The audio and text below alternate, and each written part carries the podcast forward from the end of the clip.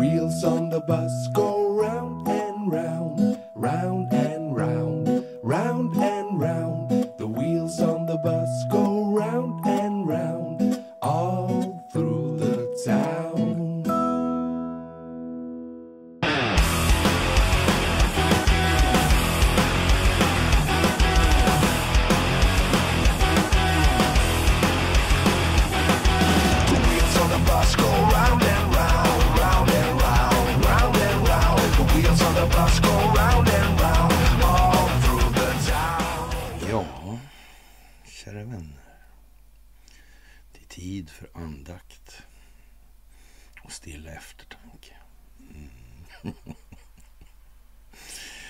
men faktiskt, det är det.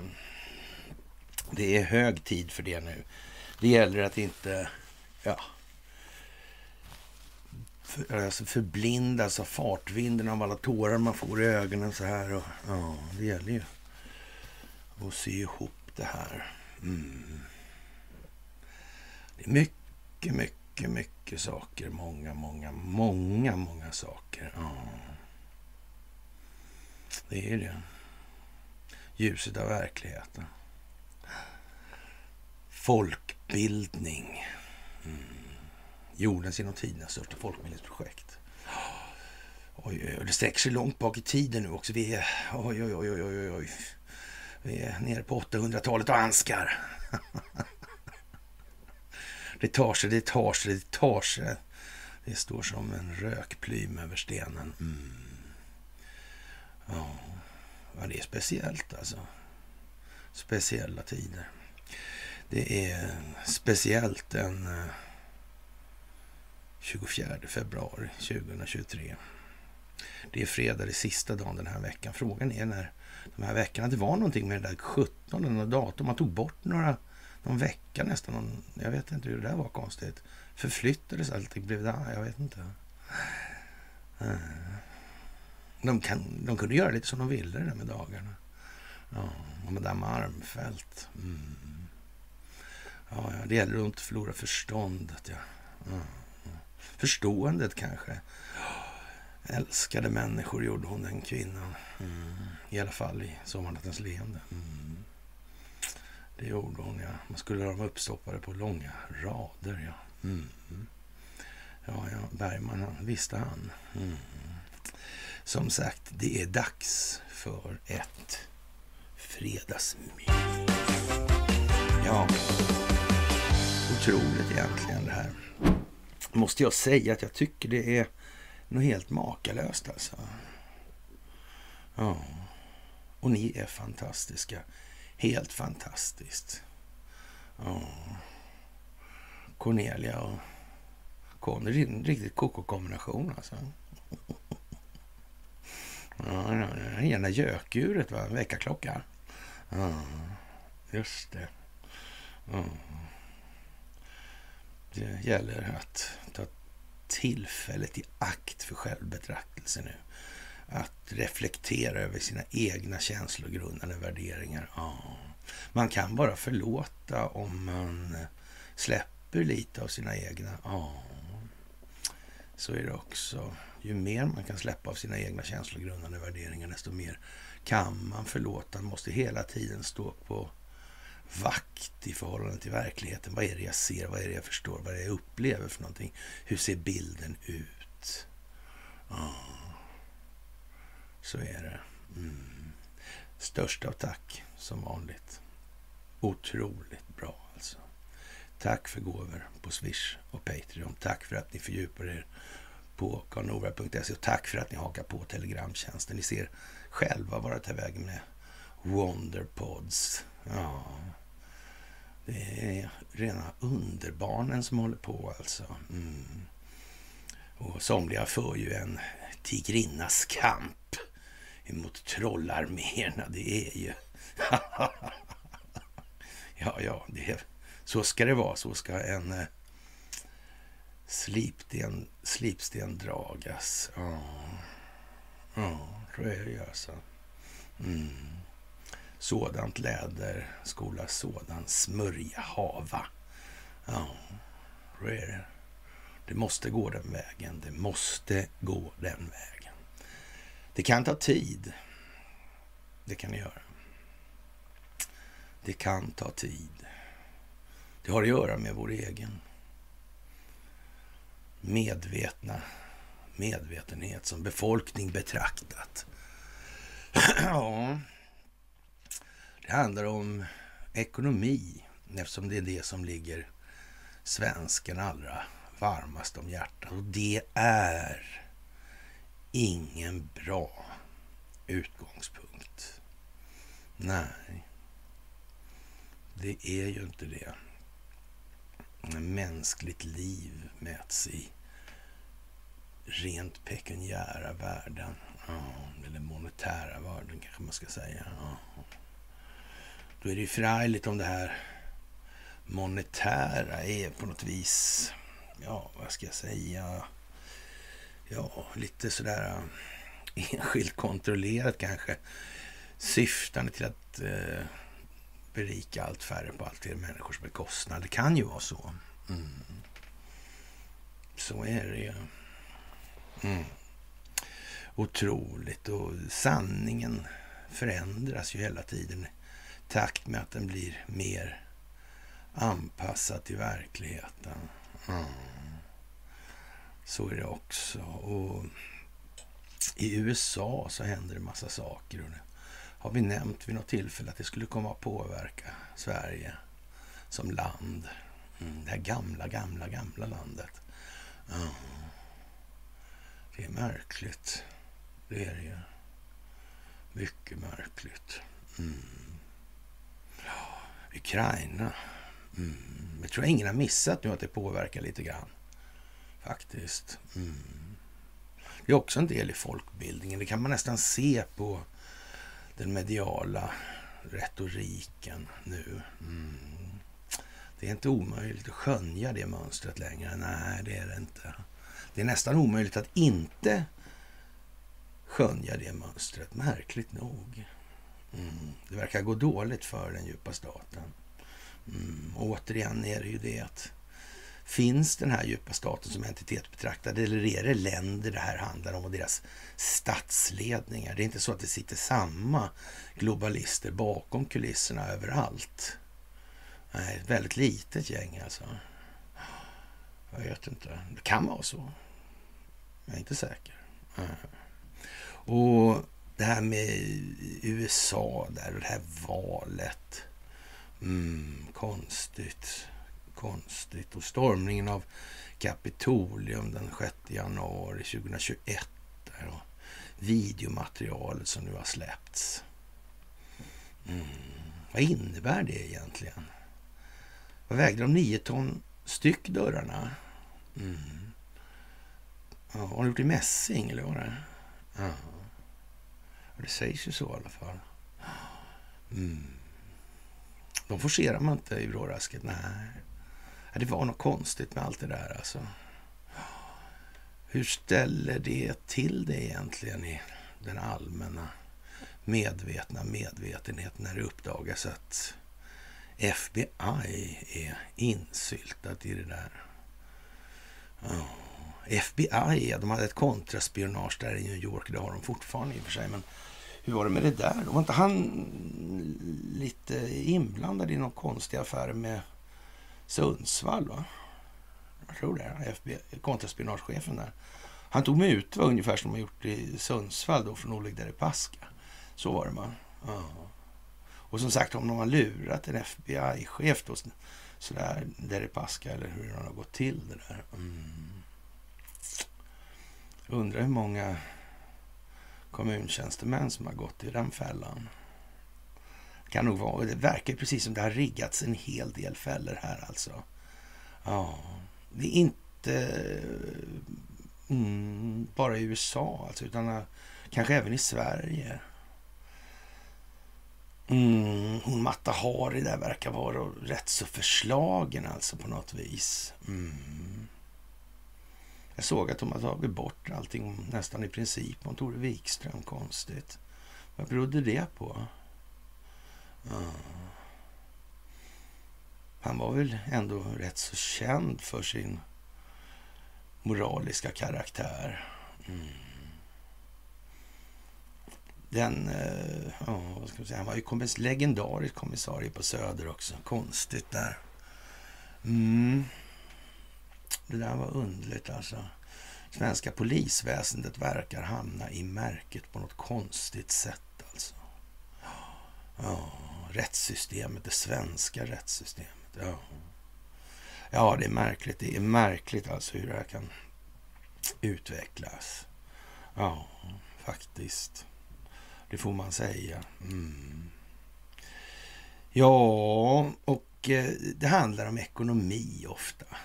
Ja, en av eh, det moderna krigets beståndsdelar, den 15-procentiga delen där det valutafinansiella systemet är en avgörande del.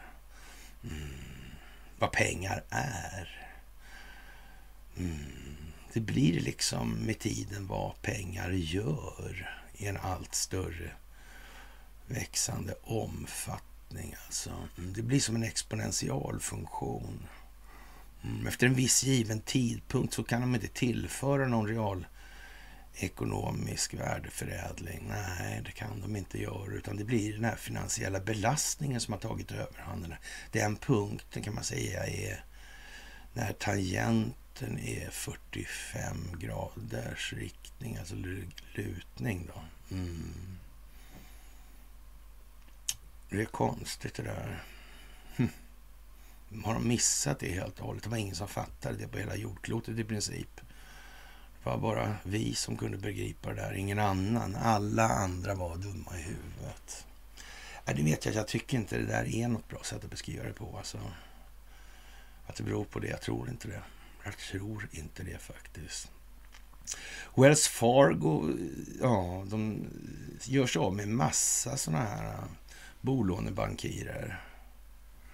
Mm, konstigt alltså. Några av dem är fantastiskt välbesuttna efter att ha hållit på med det där. Det är det där med tillväxten, alltså. Tillväxtkravet. Ja.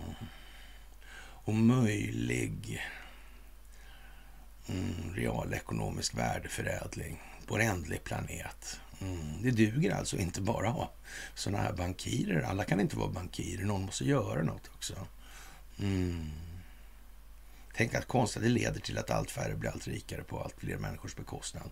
Det, det, visste man inte på något vis. Nej. Att bankerna gör historiskt höga vinster till närmast historiskt låga räntenivåer. Mm. Det kanske säger något om lånemassan. Mm. Men ändå väl rätt långt kvar till, om man säger så, så 2000 års nivåer. Mm. Det är ju konstigt hur det kunde bli så. Kredittiderna, jag vet inte. Faktiskt märkligt, märkligt. Ja. Och Aftonbladet går ut med uppgifter om att Ryssland förbereder en falsk flagga. Eh, ja, de avslöjar härmed alltså den falskflaggan då och, och därmed går den om intet då, eller hur menar man egentligen? Ja. Det här militära överraskningsmomentet, vad är det för någonting? Är det värt någonting att folk... Eh, blir det mer, mer effekt i målet kanske om ja, de är oförberedda i målet? Mm. Eller? Jag vet inte. Ja, Ryssland misstänks planera en falsk flaggoperation mot Vitryssland som ska skyllas på Ukraina. Jaha. Anledningen är att de ska tvinga in Lukasjenko i kriget, varnar tankesmedjan ISV. Det är en förnämlig institution med ja, det ädlaste av syften för ja, mänskligheten i stort. Eller så är det med avseende på syftet då alltså någonting som försöker bevara status quo, det vill säga att allt färre ska bli allt rikare på allt fler människors bekostnad. Jag vet inte fan hur det kan vara. Alltså. Det är lite oklart det där. Mm. Faktiskt. Märkligt egentligen alltså. Ja. Och, och anledningen till det här är alltså att man ska tvinga in Lukasjenko i kriget, varnar tankesmedjan ISV alltså. Mm. Nästa steg kan därefter vara Moldavien. Jaha. För åtta dagar sedan sa president Lukasjenko att Vitryssland endast går in i kriget om Ukraina anfaller dem. Alltså, ja, det gäller att få till ett sånt förespeglat anfall från Ukrainas sida. Mm. Ja. Och Ukraina kanske behöver någonting i någonting någonstans. Någon gång. Jag vet inte. Jag återkommer till det här alldeles strax. Ja, ja, den här tankesmedjan ISV då misstänker nu att Ryssland håller på att förbereda en operation i Tjernihiv regionen i norra Ukraina som gränsar till Vitryssland. Ukrainas militär uppger att de har sett ryska militärkonvojer med omarkerade fordon och soldater i uniformer som liknar de ukrainska. Mm. ISV varnar att Ryssland, eller varnar för att Ryssland skulle nog så, planera, eller planera för en attack då mot Vitryssland som ska skylla på Ukraina. Ja, man bedömer att eh, fortsatt att en eh, vitrysk eller rysk attack i nordukrainska regioner är mycket osannolikt. Men Ryssland försöker tvinga Lukasjenko att agera eller beskylla Kiev för att expandera kriget, skriver tankesmedjan i sin senaste rapport. Och eh, de vitryska styrkorna uppger också att de har observerat en uppbyggnad av ukrainska styrkor längs gränsen. Ja, denna eventuella falskflaggade operation kan också vara ett försök att styra de ukrainska styrkorna till den norra delen av landet för att försvaga det ukrainska försvaret i öst, skriver man. De misstänker att Ryssland är i ett tidigt skede för att förbereda en falskflaggoperation i den autonoma regionen Transnistrien. Mm. Det är ju konstigt det där, som ligger i Moldavien. Mm. Jag vet inte. Ja. Mm. Det är inte så att någon vill ha de här äh, vapenförråden där då? Mm. Jag vet inte. Mm. Men som sagt, kan det vara planerat? Äh, sånt här? Kan det vara fällor uppsatta? Det vet man aldrig, vet man aldrig. På torsdagen hävdade det ryska försvarsministeriet att Ukraina planerar att genomföra en väpnad provokation mot Transnistrien. Eh, ja, eller Transnistrien då. Och eh, inom en snar framtid. De hävdar också att Ukraina då kommer att klä sig i ryska uniformer och iscensätta en påstådd rysk offensiv från regionen. Mm. Samtidigt har Moldavien förnekat de ryska anklagelserna. Tänk vad konstigt det här blir alltså. Mm. Ja, ja. Och ja, vad ska man säga? Det, den här utredningen av public service, det vill säga Jallarhornet i princip då i Sverige. Mm. Det blir ju lite så. Vad ska de här enskilda intressenas medier säga om Sveriges Radio säger något helt annat? Någon måste ju ha fel då. Hur ska folk reagera? Vad ska de tro? Vem ska de lita på? Det där är ju konstigt. Jättemärkligt alltså. Och den tidigare KD-ledaren Göran, KD Göran Hägglund blir ordförande för kommittén som ska utreda public service. Jag blir oerhört hedrad på att få frågan, säger han då, på en pressträff med kulturminister Parisa Liljestrand. Alltså. Ja, det är ju märkligt alltså. Han är ju känd för att vara en pålitlig typ faktiskt. Och speciellt när det kommer till det här med monetärmekaniken, alltså det moderna krigets ja, mellersta beståndsdel där. Mm. Det är han ju väldigt känd för faktiskt. Mm. Han skulle aldrig hålla på och ljuga och förleda om sånt där. Nej. Att bankerna skapar pengarna ur ingenting genom att skapa lån. Genom att bokföra skuldhandlingen som en inlåning. Mm.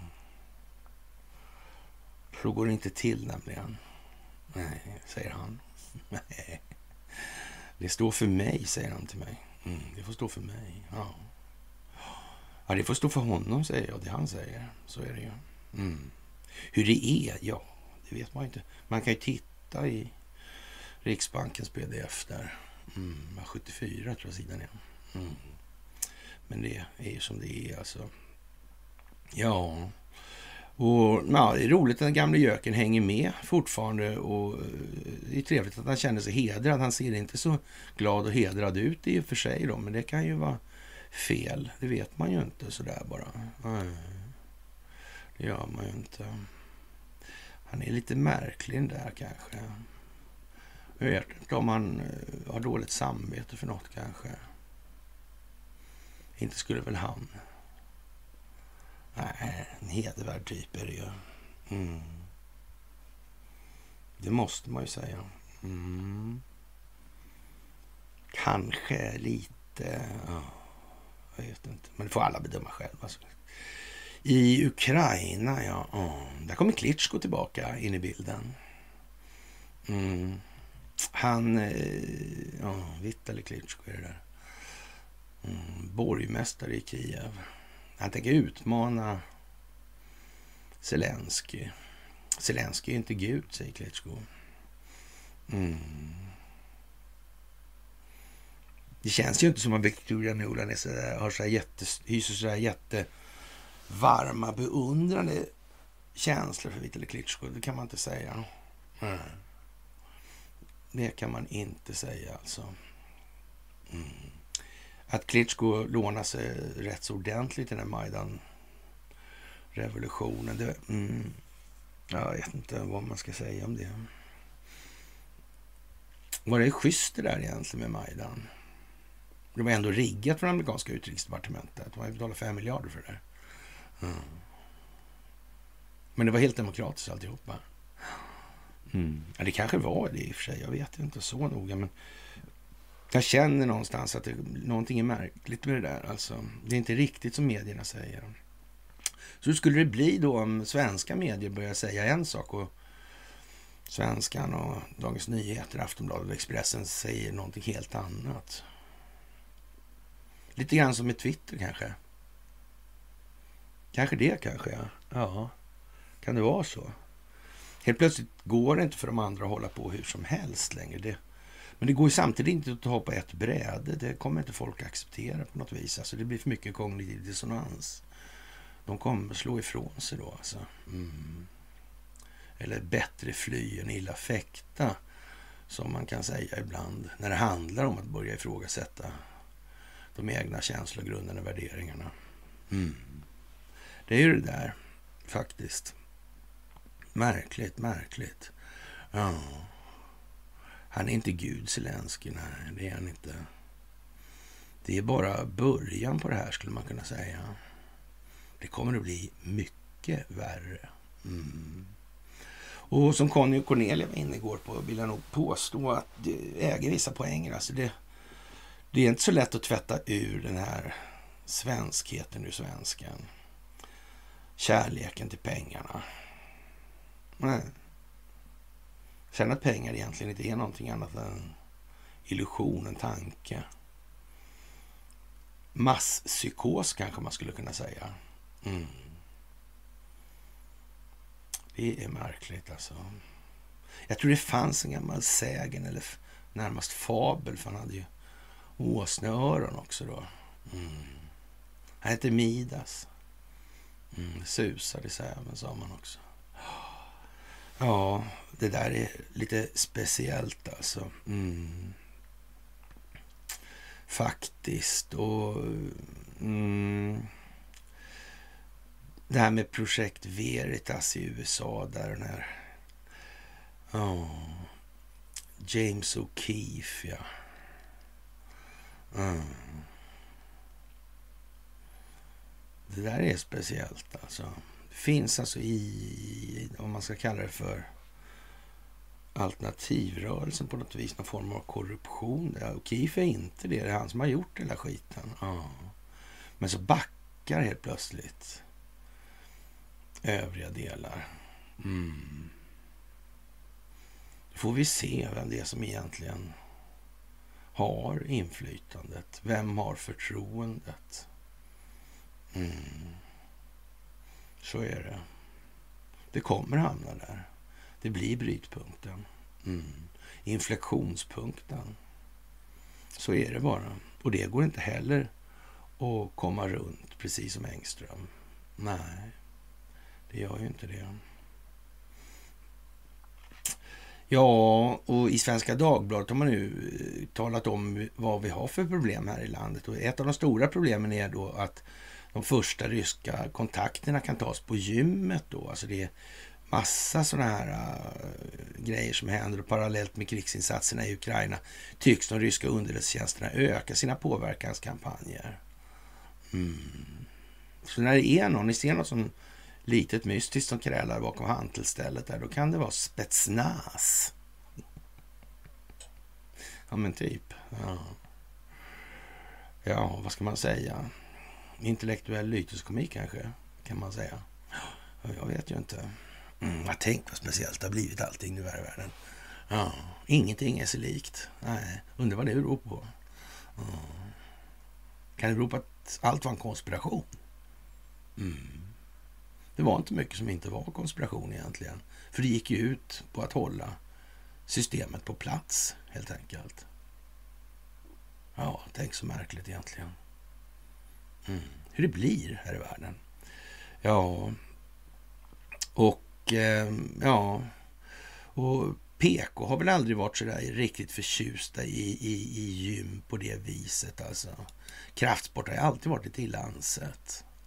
Mm. Det är lite konstigt egentligen. Inte, så är det inte i Ryssland. Inte alls faktiskt. Inte i öst överhuvudtaget. Mm. Men så mycket kan man ju säga så här att, att eh, ja, kännedom om sin egen kropp, det har väl en del med självmedvetenhet att göra i alla fall. Inte obetydligt. Det är liksom, det är väldigt få som klarar sig helt utan sin kropp faktiskt. Eh, de hör vi inte talas om så ofta i alla fall. De ger sig inte, de är mystiska. Ja, så, så vi vet inte så noga. Nej. Jag vet inte. Kan det vara någonting det där som vi borde kunna utvecklas och kanske i sin tur leda vidare tankar, upplevelser, utveckling, ifrågasättande av egna känslor. Kan det vara så? Ah, det kan det vara, ja. Det kan det vara, ja. Mm. Ja. Mm. Varför är det så viktigt att inte dra åt det hållet? Det är ju märkligt. Det är märkligt alltså. Det är nog inte planlagt tror jag. Eller som någon social ingenjörskonstkonstruktion. Det är det nog inte. Nej, nej. nej det är klart alltså. Mm. Faktiskt alltså. Ja, ett år efter invasionen, fler, tror, någon, tror någon, eh, fler än någonsin tror på seger. Alltså ett år in i det fullskaliga kriget har ukrainarnas tro på sig själva och sitt land och president Zelensky stärkts. Alltså. Mm. Men allt fler tyngs av kriget, både ekonomiskt och känslomässigt. Okej. Okay.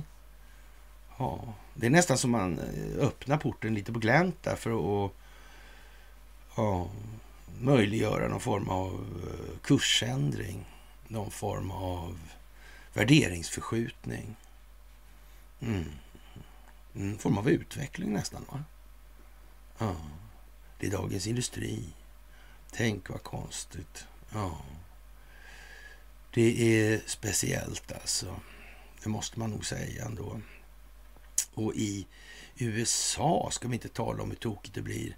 Det finns, nu finns massa experter som säger att Fox News är riktigt illa ute efter avslöjandet det här med att Eh, ja, det fanns Fox News-profiler som aldrig trodde på Donald Trumps påståenden om valfusk. Och det gör att tv-kanalen är riktigt illa ute, uppger då flera juridiska experter. Alltså det handlar ju om att Dominion har stämt Fox. Ja. Men om det visar sig att FBI är inblandat i den här 6 januari-historien, hur blir det då, då tro? Ja, hur var det där med Ericsson-report och inblandningen egentligen? Hur var det med det där? Det där var väl märkligt? Ja. Mm. Jag tror faktiskt Cornelia har översatt också Ericsson Report här. Ja, till och med det. Mm. Ja, konstigt det här. Men, men, om det visar sig då att det har förelegat sånt här fusk och sen kör då mainstream-media en sån här kampanj, ett sånt här utspel, vem är det som förtalar då egentligen? Är inte det lite konstigt i tiden? Det känns ju som att det skulle kunna vara riggat så. Alltså, har det inte förelegat något valfusk och så vidare och allting och, och det inte finns någon koordinerad samverkan och så vidare och djupa staten existerar inte och allt det här. Ja, men då är det ju så säkert som det är alltså med allting och vi får ta på oss ett par lager foliehatt till helt enkelt och skämmas lite hundra år framåt eller sådär. Mm. Så är det ju. Men eh, man känner ju inte direkt någon sån här påtaglig bävan inför den möjligheten. Det kan jag inte påstå ändå. Mm. Så det kan vara någonting annat alltså. Mm. Det kan ju vara. Och trollen har ju en helt annan framtoning. De här som ja, började med hotmail och så, alltså hotmail alltså. Mm. Nej, inte så Göteborgs kanske. Nej. Mm. Men nu är det en helt annan tongång. Ja.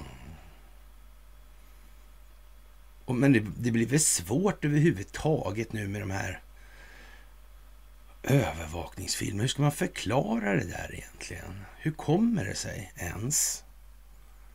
Mm. Ja, det där är ju lite sådär småeljest nästan, va?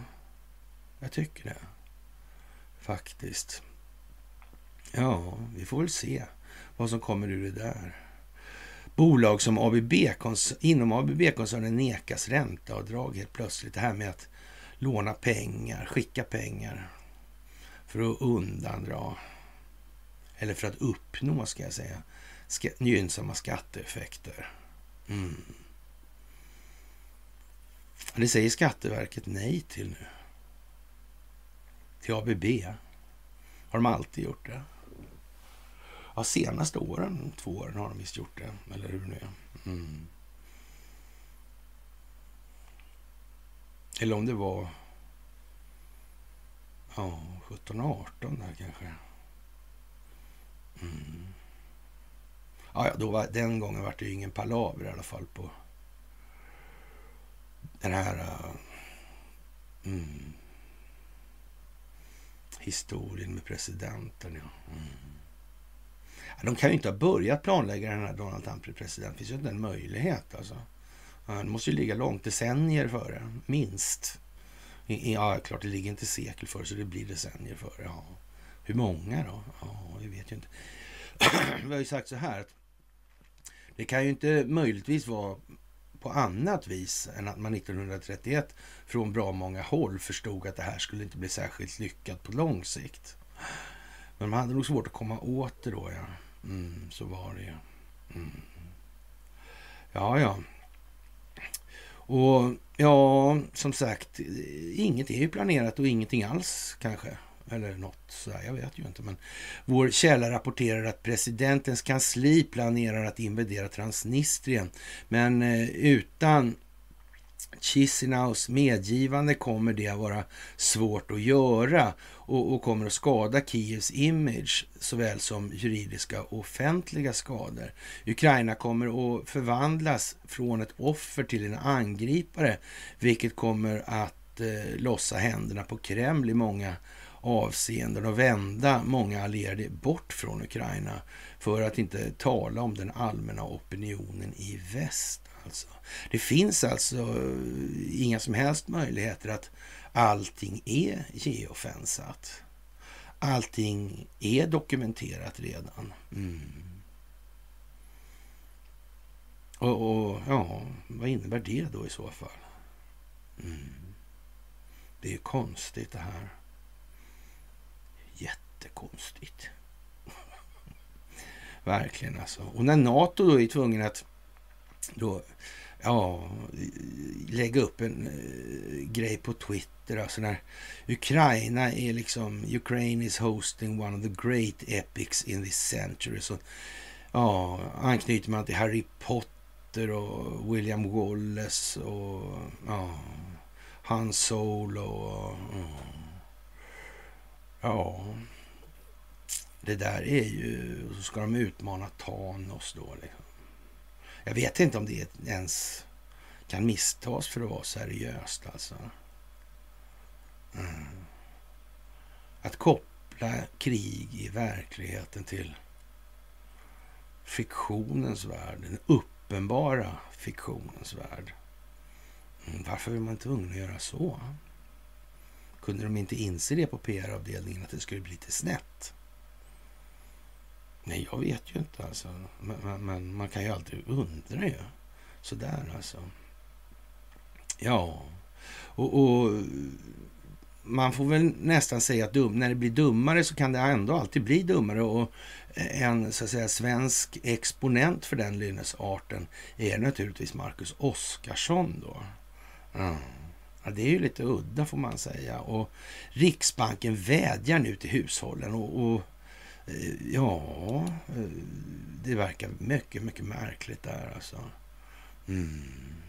Och nu är det dumstrut på för den svenska befolkningen med sitt milt uttryckt säregna ekonomiska sinnelag alltså. Och Oskarsson skriver så här då att för, för drygt två veckor sedan höjde Riksbanken styrräntan med 50 punkter. Samtidigt flaggade myndigheten för ytterligare höjningar under våren. Men nu ber man hushållen om hjälp alltså. Mm. Ja, som sagt, det handlar om att upprätthålla förtroende för systemet som sagt. Och det här med att eh, bankerna skapar pengar ur ingenting som inte Göran Hägglund vill erkänna då till exempel. Det sker genom bankerna skapar lån genom att bokföra en eh, skuldhandling som vore det en monetär inlåning. Hitta på att det är pengar alltså. Mm. Det är ju lite lattjo det där alltså.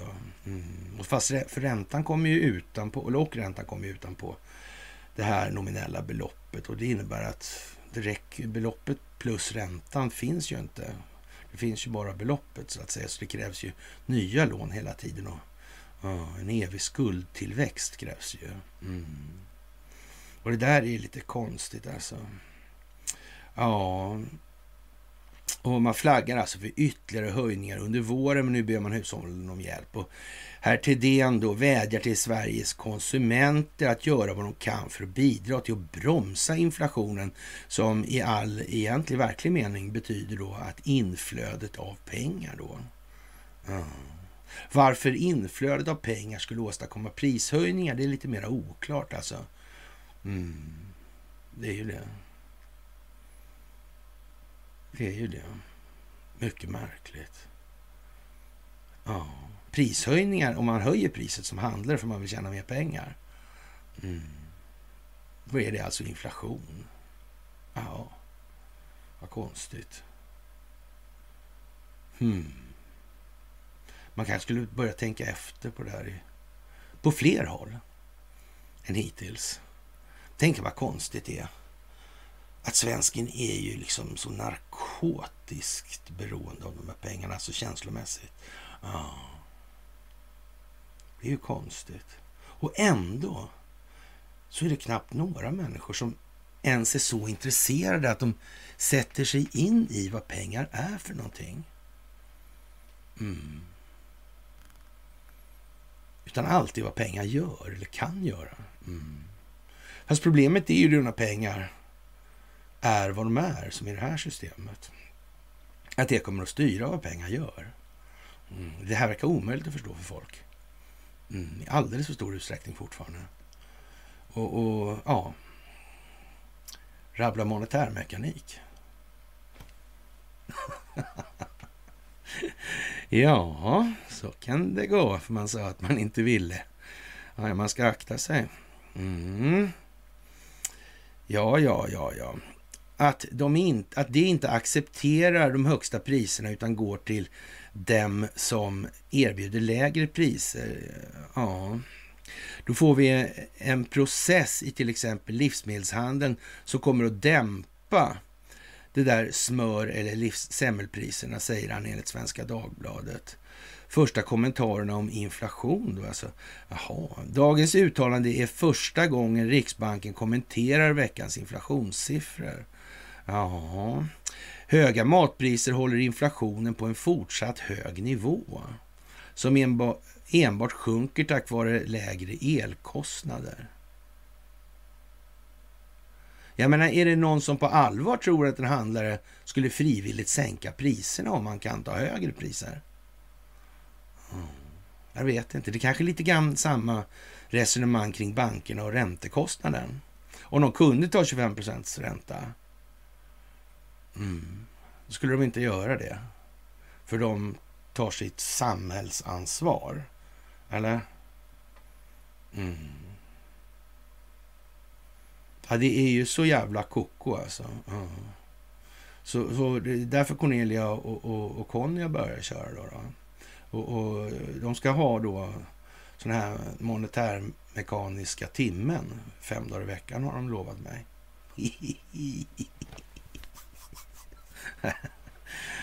ja, det ska ni inte ta så hårt på faktiskt. Mm. Det var en stilla önskan bara. Ja, ja, tar man bort energifaktorn har inflationen i själva verket stigit och flera eh, ja, ekonomer har varnat för vad Riksbanken kan göra i kölvattnet av beskedet. Jag är orolig att det här kan tricka Riksbanken att fortsätta med nya alltför kraftiga räntehöjningar som har väldigt negativa effekter för vanliga människor och ekonomi, säger exempelvis Torbjörn Hållö, ekonom på LO till SVT. Och Erik Thedéen vill dock inte uttala sig om någon eventuell krasch på grund av potentiella räntehöjningar, men är bekymrad över läget. Ehm, den gick i fel riktning. Det är oroande, säger han enligt SvD. Han säger att även, bo, även att bopriserna är på väg uppåt igen och att sysselsättningen fortfarande är hög, som i kombination med att svensk industri går ganska okej, okay, tolkas som goda tecken. Anledningen till att Riksbanken skulle kunna höja räntan igen eh, är för att stärka den svenska kronans växelkurs. Jaha, ja. Ja. Valutahandeln är en viktig handel alltså. Den är ju verkligen eh, ja, realekonomisk värdeförädling i sin yppersta potens alltså. Det är det. Så frågan är väl egentligen varför inte alla bara kan sitta och köpa och sälja pengar till varandra. Men jag vill ha 104 kronor för den här hundralappen. Fattar du eller? Ja. ja, jag vet inte. Men ingen kan ju sälja sin, för 99, sin hundralapp för 99 kronor. Det var onödigt att bara börja tala med det. Det där är ju jättekonstigt. Alltså vilken, den här teoribildningen är, alltså, den är listigt bra. Alltså det är genialisk nästan. Alltså. Eller kanske inte så mycket med den saken. Nej. Ja, ja, ja, ja. Ja, den motiveringen döms i alla fall ut av Nordeas stjärnekonom Annika Profit. Och Madame Profit här, hon, det är hon som är så bra på att förklara vad eh, ja, pengar är för någonting, hur de skapas. Eh, utan att det blir eh, pedagogiska pinsamheter. Det är hon alltså. Ja, har man målat in sitt hörn, eh, om man, eh, här har man målat in sitt hörn, om man säger att man ska försvara kronan och inte kan det hamnar man i en väldigt dålig situation. Eh, det finns en risk att man kommer att börja testa dem då. Alltså. Ja, ska de då försvara den så kommer de att knäcka svensk ekonomi och bostadsmarknad, säger hon till Dagens Industri. Hon tillägger, lite får man känslan av att, de, att eh, det inte är verkligheten överhuvudtaget. Nej, men kan det bero på att det här är förtroendebusiness alltså?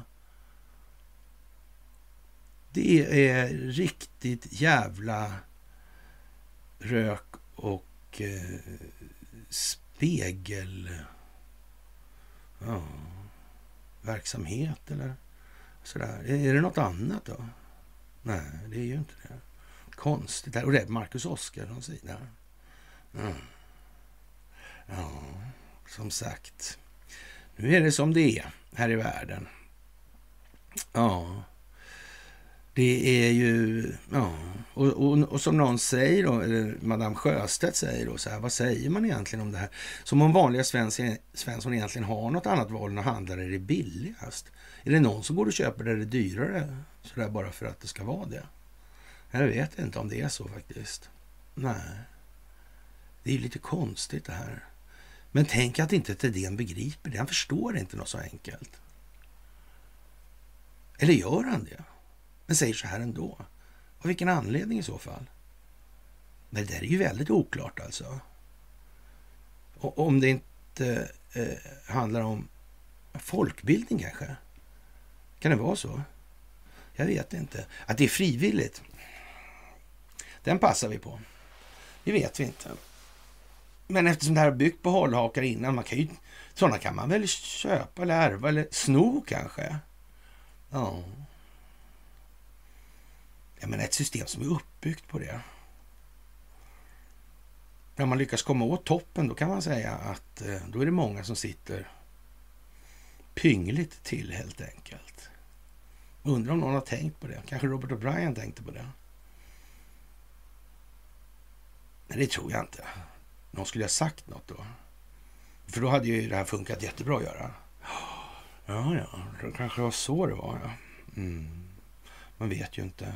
Det är svårt det där med sådana här komplicerade saker ibland. Ja, ja, ja. Jaha, NATO avrustning och upplösning alltså. Ja, NATO blir ju verkligen hårt eh, ansatt nu kan man säga på riktigt alltså. Och för det här tweetet som jag läste upp ovan här och, och man jämför konflikten mellan Ukraina och Ryssland med Harry Potter och andra kända fantasyfilmer. Ja, ja det där är så där alltså, det måste man säga. Mm. Men det kunde inte de heller räkna ut att det skulle bli en viss negativ opinionsbildningseffekt av det. Det klarar de inte av, nej. nej. Ja, dyr grej det där för att inte klara av sådana enkla saker. Alltså. USA borde trösta sig med att en organisation som vi spenderar ungefär 36 miljarder dollar per år eh, ja, på jämför krig som kostar miljarder dollar och liv med filmer. Ja. Inte konstigt att president Trump i flera år har pratat om att dra sig ur NATO. Nej. Är det någon som fortfarande håller emot mig överhuvudtaget det här med att jag säger att EU kommer kollapsa och NATO lika så i sin nuvarande form och tappning? Det är ingen som gör det tror jag. Ja, varför inte? Jag menar... Eh, mm. Finns den djupa staten eller finns den djupa staten inte, tror Det är ju en konstig grej det här alltså. Ja, de här 36 miljarder dollarna skulle kunna spenderas på att återuppbygga nationella försörjningskedjor och ta hand om medborgarna i allmänhet. Det officiella NATO-Twitterkontot publicerade ett bisarrt meddelande, alltså, som jag läste upp tidigare, som gick viralt på onsdagen och eh, där Ukraina-konflikten jämfördes med kända fantasyfilmer som Harry Potter, Star Wars, Braveheart och mm, ja, NATO hävdar vidare att eh, orden kommer från en soldat i den ukrainska armén. Alltså, aha. Eh, den relevanta tweeten lyder alltså, vi är Harry Potter och William Wallace och Navi och Han Solo. Vi flyr från Shawshanks och spränger dödsstjärnan. Vi slåss med Harkonnens och vi utmanar Thanos. Mm. Jag vet inte. Det där var väl lite öppet sådär självmål. Mm. Det kan ju inte vara liksom så det jättemycket det där får man ju se som tydligt. Lägg ihop det där med de här övervakningsfilmerna från 6 januari. Mm. Man måste nästan vara ja, patologiskt svenskt sinnad alltså. Mm. Och det är ju liksom lite tråkigt i det här att det kommer ju kräva lidande mm, för att nå visdom. Det här kommer inte av sig själv, det tror jag alla märkt alltså. Och, och förbannelse över mig och mitt eh, lättsinniga sinnelag i avseende, med avseende på vad jag tror andra människor om. Alltså det är ju så. Det får jag ju sota för ideligen. Det här kommer att gå på 17 spänn. Det här kommer att räcka med Eva Kryger och så vidare och så vidare. Det visar sig alltid att det är lite sämre än vad jag har trott helt enkelt. Men det är enda anledningen till att man fortsätter också. Ja, annars ser man ju ingen möjlighet. Nej. Att veta vad man ska liksom. Det är en bra grej när man ska resa någonstans. Mm. Ja, ja. Resan är målet som sagt. Jaha. ja. Mm. Det är mycket mycket speciellt, helt enkelt. Och nu ska Nya Dagbladet stämma Länsförsäkringar Bank. Det där är lite intressant alltså. För i takt med att det här eh, homogeniseras då, när ja, alternativrörelsen blir mer ja, ansatt och exponerad och den alternativa alternativrörelsen får allt mer rätt i sin problemformulering mm, i förhållande till verkligheten. Att den alternativrörelsen kan inte få rätt för de har ingen, de ska bara vara sams. Och det kommer inte leda någonstans alltså. Om ingen vet någonting om någonting och bara sitter och håller sams så räcker det ju inte så långt. Det förstår nästan alla. Ja. Om man inte har så att säga de grundläggande parametrarna klart för ingångsvärdena, alltså klart för sig, då blir det inget bra heller. Nej, nej. Och, och, ja, ekonomi, det är ju liksom lite svårt det där tydligen. Ja. Ändå, det borde inte vara det med tanke på det intresse som befolkningen har för det här med pengar. Det borde ju vara det de var mest intresserade av för fan. Det har ju störst konsekvenser och störst effekter på deras egen tillvaro och ändå är det, det är liksom, det verkar ha, de skyr det där på något vis. Det kan ju vara just därför. För när det bryter där, då finns det inget kvar att säga egentligen. Ens. Det är lite av prylen också nu. Mm.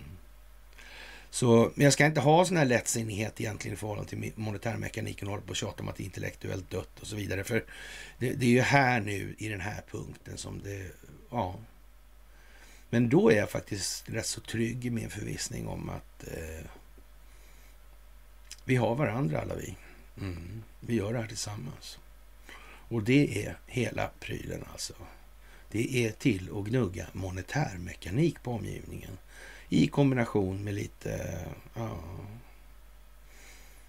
moralfilosofisk bildning kanske. Mm. Sådär ja, så kan det ju vara. Mm. Och då har då i alla fall Länsförsäkringar Bank betett sig på e-, ett rätt så tvivelaktigt sätt. Och det blir klart att de här enskilda bankerna då, är det lämpligt då att enskilda banker har monopol eller oligopol på det här? Mm, ja, är det det? Det kanske är som med kraftförsörjningen. Mm. Ja, för staten har väl inget eget kontosystem som jag känner till i alla fall. Nej, nej. Och, och jag är väl ändå en sån här i de här sammanhangen förgrundsfigur, kanske till och med förgrundsfiguren. Mm. Ja, enligt Kent Wern är det ju så i alla fall. Mm. Mm. Kan det vara så här tokigt? Jag vet inte. Men det blir ju så också nu att de här som stökar då på vägen, vad ska man göra liksom? Nya Dagbladet gör ett, ja, annorlunda grepp och jag säger inte att det är varken det bu eller bä. För det krävs också att göra så där någon gång. För att förklara för de som sitter och håller på att trilskas. Den här varianten kan vi också använda. Det här jallarhornet, det duger till både det ena och det andra alltså. Mm. Så är det ju. Mm. Och med kontroll på Sveriges Radio. Mm. Sveriges Television. Hm. Hur skulle det bli då?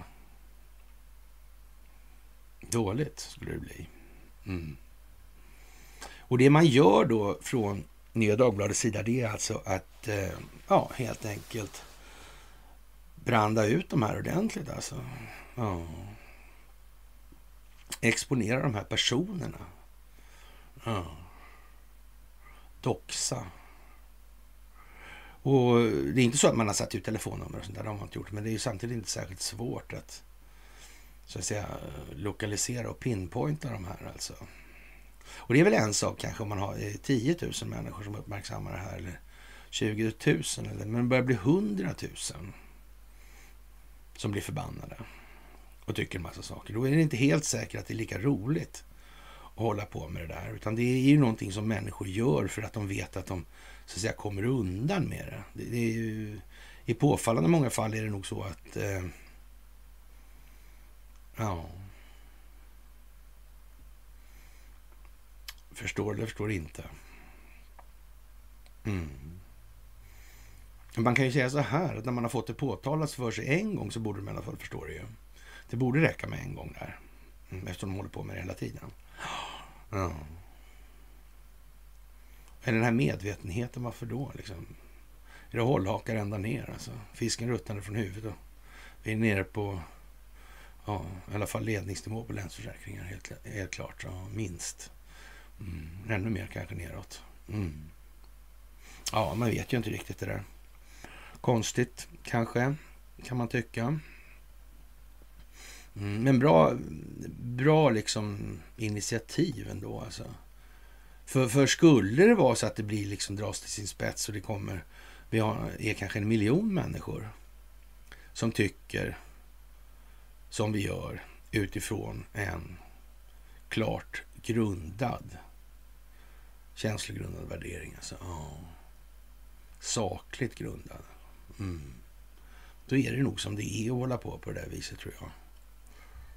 Man åker inte gärna på skidsemester ibland när det finns massa främmande människor så blir man upptäckt. Det är ju där jävla svinet liksom. Ja, det gör man nog inte.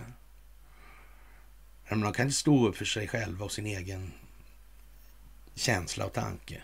Hur ska de kunna stå upp för det där liksom?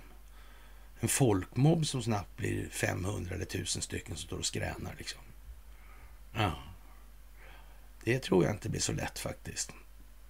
Jaha, och USA riktar in sig på kinesiska företag i kommande sanktioner mot Ryssland alltså. Och det är Victoria Nuland som är i farten, alltså hon som är gift med Robert Kagan på Brookings. Och vi har ju Anders Åslund och, och så vidare och så vidare och så vidare här med Carl Bildt och Atlantic Council och allt det här och Ukraina-varianten med eh, ja, eh, allting alltså med Uranium One-affärer och ja, you name it alltså. Det är full fart alltså. Och det här är ingenting som kan göras under mattan medan Kina säger sig vara neutralt, säger Nolan. Vilken blågul kanariefågel säger sig också vara neutral i kärnan av nätverket. Ja, det är ju konstigt. Neutralt och bra alltså. USA USAs underminister för politiska angelägenheter, Victoria Nuland alltså. Ja, eh, avslöjade att ett kommande sanktionspaket riktat mot Ryssland på ettårsdagen av kriget i Ukraina idag alltså, och också kommer att riktas mot Kina. Eh, kopplad, Kina-kopplade enheter som bryter mot exportförbud mot Moskva. Alltså. Ja, Kina Biden-administrationen höll jag på att säga, men, men jag menar Kina-administrationen. Eh, eller det är ju samma sak förresten. Så, ja, okay. Biden-administrationen hade identifierat att Kina-kopplade eh, företag Eh, Eh, vissa baserade undviker och befintliga sanktioner mot Ryssland avsedda att försvaga Moskvas förmåga att finansiera och, och, och leverera sin eh, militära offensiv i Ukraina. Vänta nu här. Eh, eh, nu är inte jag säker här, men de här ja, Kina-kopplade företagen, skulle det, kunna, skulle det kunna vara de företag där, ja, så att säga, Hunter Biden har haft inblandning också. Skulle det kunna vara samma företag, tro? Men då verkar det ju otroligt konstigt alltihopa. Ja. Då verkar ju nästan familjen Biden vara, ja om inte omoralisk så, så i alla fall kriminell. Ja. Men då blir det tvärtom, man ska säga tvärtom ju. Eller nej, nej det kanske man inte ska nu. Jag vet inte. Ja, ja, det är klart. Ja. Det kommer att finnas i sanktionspaketen som vi kommer att tillkännage imorgon på ettårsdagen av kriget, sa Nolan till The Washington Post under, en, under ett live-evenemang på torsdagen. Vi kommer också sätta sätta andra begränsningar för enheter, kinesiska eller kinesiska underordnade enheter i Europa. Undrar om det är någon av de enheterna som till exempel heter Panda Electronics eller whatever. Liksom. Mm. Vet fan alltså. Kanske. För det är väl så kanske att Xi Jinping har uppfattat att det uh, finns uh, ett, en företeelse som heter den djupa staten, kallas internationellt sett för den djupa staten, i, även i Kina. Ja, Ryssland också upptäckt tror jag det. Mm. Jag tror de märkte det redan vid det här med ja, slutet på ja, första världskriget. Ja, och upptakten till andra världskriget. Jag tror de upptäckte det redan då faktiskt. Mm. De som överlevde den här ryska revolutionen och de som initierade det där. Mm. Kollontaj, Lenin och Stalin där. Mm. Det där var ju konstigt och Kollontaj klarade sig latin. Mm. Hon var mycket i Sverige hon. Mm. Det var ju märkligt helt enkelt. Mm. Han, kanske visste att det fanns någon djupstatsentitet i Ryssland, han Stalinsson där. Mm. Och kanske även Xi Jinping har förstått att ja, det är nog så där också. Det här fåtalet svenskar som på ett brutalt vis lägger sig i Kinas inre angelägenheter. Han menar nog kanske lite så. Det kan vara så i alla fall. Det kan ju vara så. Ja, några av de föremål som Ryssland har tillgång till inkluderar bärbara datorer, smartphones, diskmaskiner, tvättmaskiner och bilar. Nuland hävdar att utvecklingsländer agerar som mellanhänder för att leverera varorna till Moskva. Eh, amerikanska tjänstemän är oroade över att avancerade halvledarchips i de här produkterna kan användas för militära ändamål. Och, och det är ju klart att, eh, ja... Eh, I det här får man lägga till en liten sekvens, alltså en parameter i det här. Det är ju det där med de här ja, halvledarkomponenterna. Alltså. Mm. Vad är det egentligen som är inbyggt i de där? Det är en massa OKL-grindar i det här. Nando Noro. Mm. Ja. Logiska kretsar, ja. Svart eller vitt. Mm. Men man vet ju, hur vet man helt säkert vad det där är i de där egentligen och vilken prestanda de har på det viset? Alltså, det är inte möjligt alltså. Är det bara att titta, upp den där titta, de är rätt små alltså. Är de ju. Man ser det kanske inte riktigt med hela, ja sådär bara stor förstoringsglas. Nej. Kanske inte det. Nej. De verkar ju kunna ha helt olika innehållsmässig funktion också. Mm. Var det inte något problem med F35 angående det där? Mm. De här komponenterna, ja. Det är mycket eh, Taiwan alltså där tror jag. På tillverkningen. Mm. Ja. Kanske någon har upptäckt det.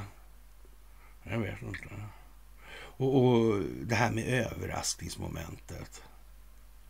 Talar man om det innan då att ni har sabbat alla, eller vi har sabbat alla era, de här systemen, för vi har nämligen kontroll på komponenterna. Ja, vi kan göra som vi vill med men vi har inga som helst problem med att hacka de här. Mm. Vad konstigt, kan det vara så? Ja, F35 var, var det dyrt det där om man fick ta bort det där. Ja. Undrar om jag ser utsatt för det där. Det kan det väl ändå inte vara. Då skulle väl ändå någon ha sagt något. Mm. Fast det var ju ganska tidigt man startade Huawei i alla fall. Det var ju 87 där någonstans. Mm. Ericsson fick köpa in sig, höll jag på att säga. ja, Kina. Mm. Det är klart att det är senaste tiden. Om man planerar på tusen års horisont. Mm. Då är det senaste tiden, 85. Inte som svensk betraktat, för då det är ju oöverskådliga tidsrymder. Nej, utan det här är det ju veckodagar vi pratar om. Ja. Idag är det ju förresten måndag. Eller är det inte det? Nej. Jag vet inte, det är också en sån här konstig grej. Alltså det är oerhört viktigt då. Man, man håller på och diskuterar företeelser som rör sig kanske över ett antal sekel som tidsspann. Ja. Men man kan inte tänka sig på något vis att... Nej. Det är många som planerar så alltid i princip alltså. Ja. Visst, lever man inte på kort sikt lever man ju inte på lång. Alltså det, tror fan det, men... eh, Mm, det förtjänar lite eftertanke, lite mer eftertanke i vart fall. Det är i alla fall helt säkert. Jaha, och eh, utrikesdepartementet i USA har alltså tagit en fastare hållning mot länder som skulle skicka dödligt bistånd till Ryssland, vilket Newland och andra amerikanska tjänstemän misstänker att Kinas styrande kommunistparti överväger. Ja, och det kan man väl eh, säga. Och på frågan från NBC om man tänkte dela med sig av den här underrättelsetjänstinformationen bakom de här misstankarna sa Vita husets pressekreterare den här man, Karin Jean-Pierre att de inte hade några planer på att göra det. Men eh, det är inte borta från bordet helt. Man skulle kunna göra det, säger man ju sådär. Ja, ja då vet vi ju det i alla fall. Och vi får ju lita på dem då så länge. Mm. Eh, Underlivsporslinadministrationen fortsatte utföra varningar till Peking den här veckan. Och, och eh, ja, Janet Yellen var ju i farten där också och sa liksom att nu ska de skärpa till sig. Va? Annars så ja, då blir vi sura. Mm. Jag menar, hon är ju liksom en spottloska hög. Ja. Föreståndare för ett genomkorrupt, helt värdelöst system som håller på att kollapsa. Tror någon på allvar att någon jävel bryr sig? Nej, det tror jag inte någon tror längre. Det ser ju bara patetiskt ut när hon ska stå och höja tonen och mer eller mindre flagga för kinetisk militär verksamhet. Den där. Nej. Ja, men så långt har det gått nu i alla fall. Och eh, ja, inte bara hur det här ser ut globalt och deras anspråk på neutralitet när det gäller Kina då, utan också vår relation då till Kina. Man hotar alltså med att då ska det bli kärvt alltså. Ja. Men måste det gå så långt verkligen? När ska folk välja att förstå att om vi inte har något samhälle. Det finns inte någonstans. Måste det gå så långt? Måste det till det fria kriget? Då kan man säga, då har vi tappat helt. Och då har vi förtjänat vad vi får också. Det är ju så.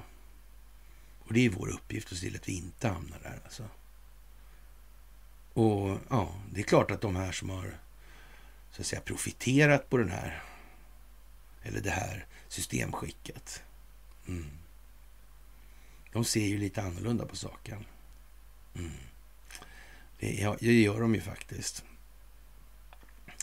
Och eh, ja, eh, det här är inget som kan göras under mattan medan Kina säger sig vara neutralt. Alltså. Ja, det där är ju... Det blir konsekvenser för Kina om de skulle ge dödligt stöd. Ja, som USA gör till eh, Ukraina. Mm. Och Ryssland är strategisk partner med Kina. Mm.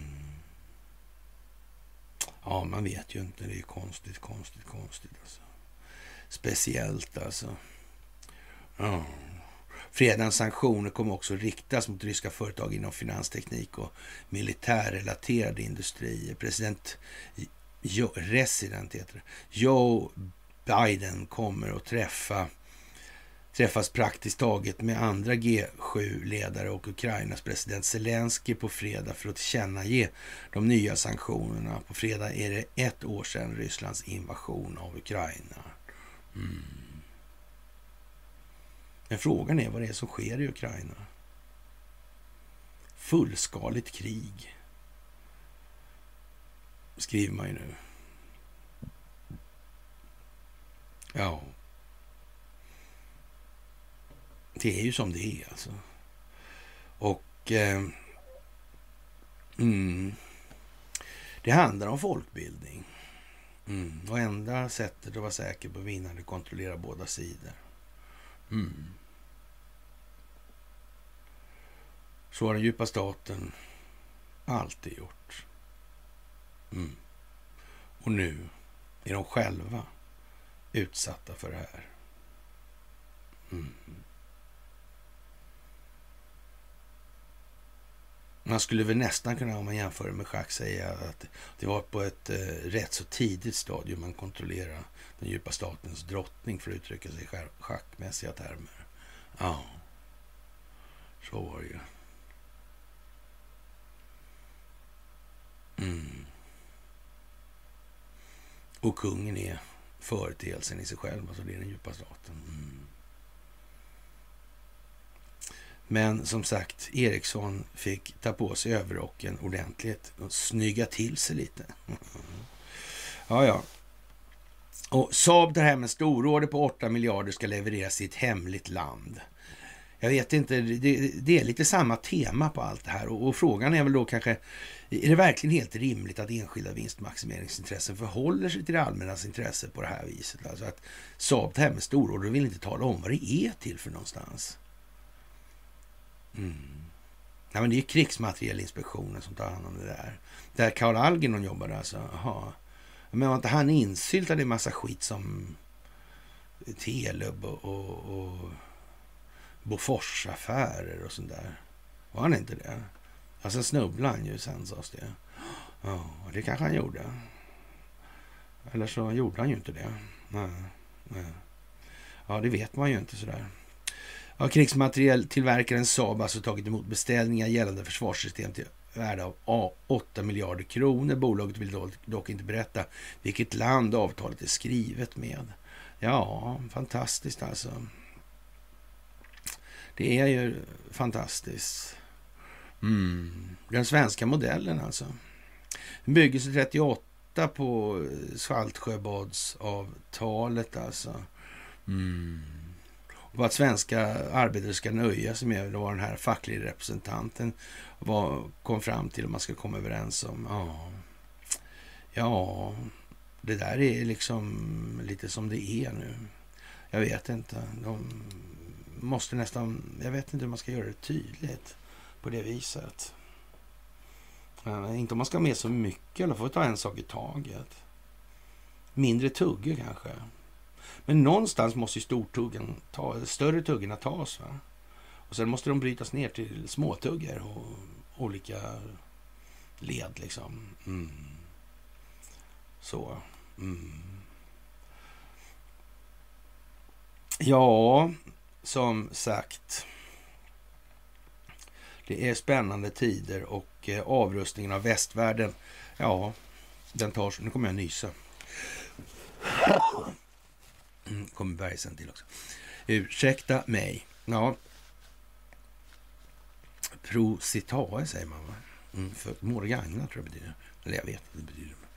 Avrustningen av västvärlden tar så pass lång tid som det behövs. Och det, det är ju så alltså. Det, det är ju en... Nu kommer det. Mm. Ja.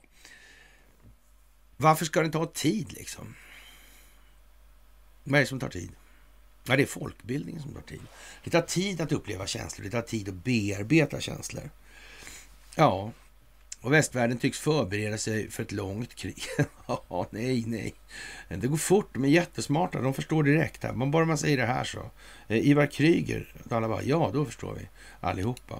Eh, kanske inte ändå. Ah, så det, i och för sig, det är nog bra att de förbereder sig för ett långt krig alltså.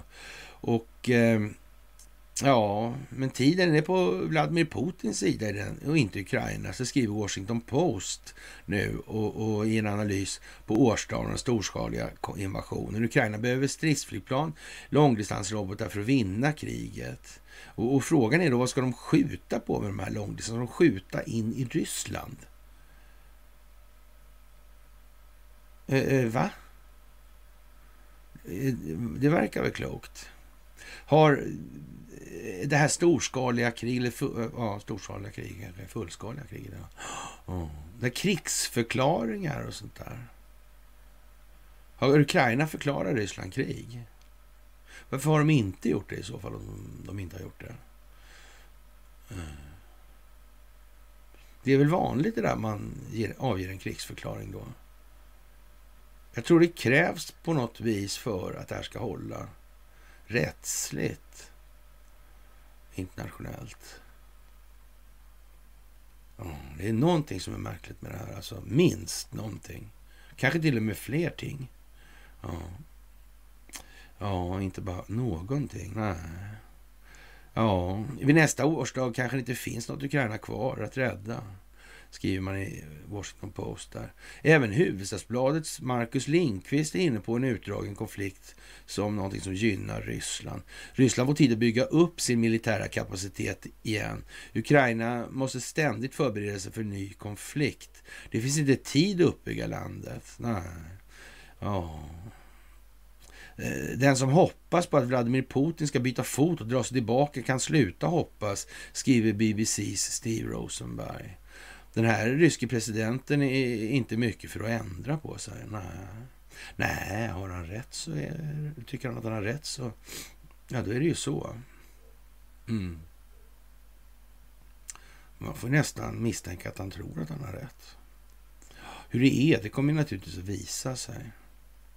Mm. Och det här visandet, det verkar pågå redan nu på något vis.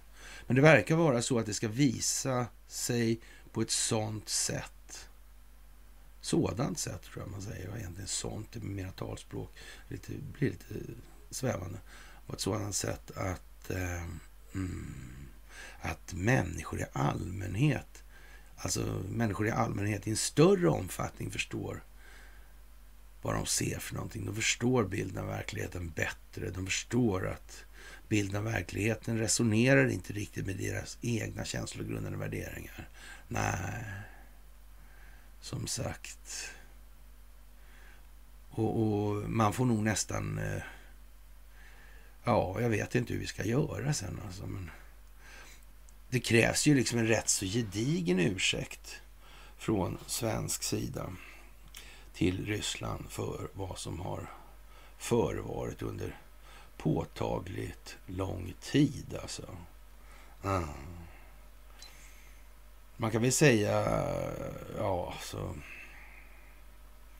Var ska man dra strecket liksom? Ska man dra det när vi försökte stöka till det med ja, rysk revolution och rysk-japanska kriget där 1905? Är det, är det liksom... Är det bottenlinjen? Jag vet inte, det fanns några krig innan också tror jag. Ja, det gjorde ju det. Det gjorde ju det. Mm. Ja, jag vet inte faktiskt. Men eh, man kan väl säga att jag tror inte att vi ska se det som att vi inte är förorsakande alltså.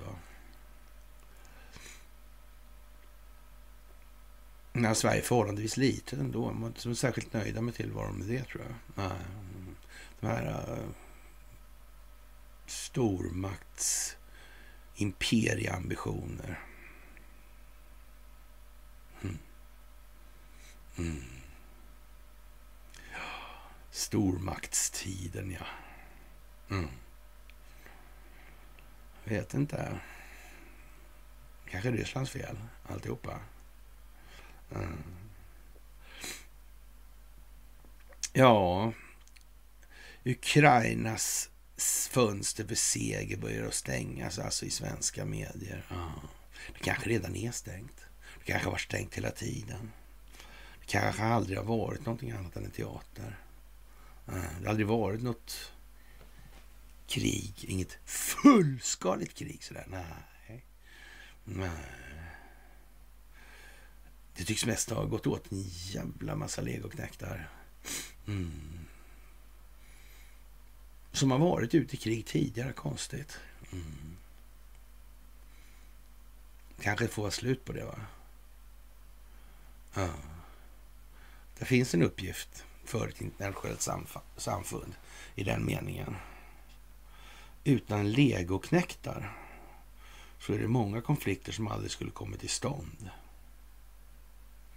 Mm. Det är märkligt. Det får man säga. Ja. Och eh, som sagt, eh, att säga att Ukraina var förlorat från 2014 är väl ytterligt välvilligt uttryckt ändå. Va? Det var väl förlorat lite tidigare kanske. Och, ja. Konstruktionen med Sovjetunionen var väl lite speciell också. Skulle man nog kunna säga. Ja. Hur långt ska vi backa det här då? Ja, man brukar ju, någonstans har de ju hintat om från olika håll att Ja, det här Sykes-Picot, Mellanöstern, det var väl så där kanske. Alltså roten till det onda har man ju till och med skrivit där. Mm. Ja, det är ju som det är. Mm. Ännu en rysk oligark är död i dagens PS och det är mystiska omständigheter. Hur är det med de där oligarkerna som uppstod där efter Sovjetunionens kollaps. Vad var det för figurer?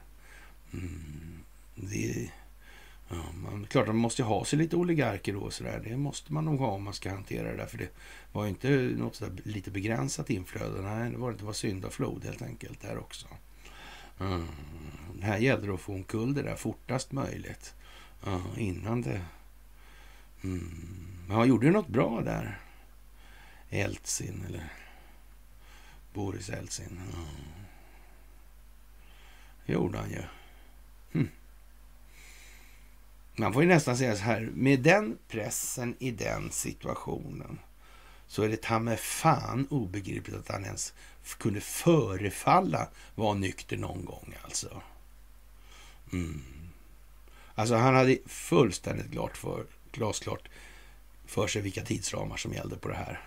Och han måste ha fullständigt glasklart för sig att han aldrig skulle se röken av början till upplösningen på det här. Han skulle möjligtvis kunna se så långt han kunde följa planeringen i eget huvud. Liksom.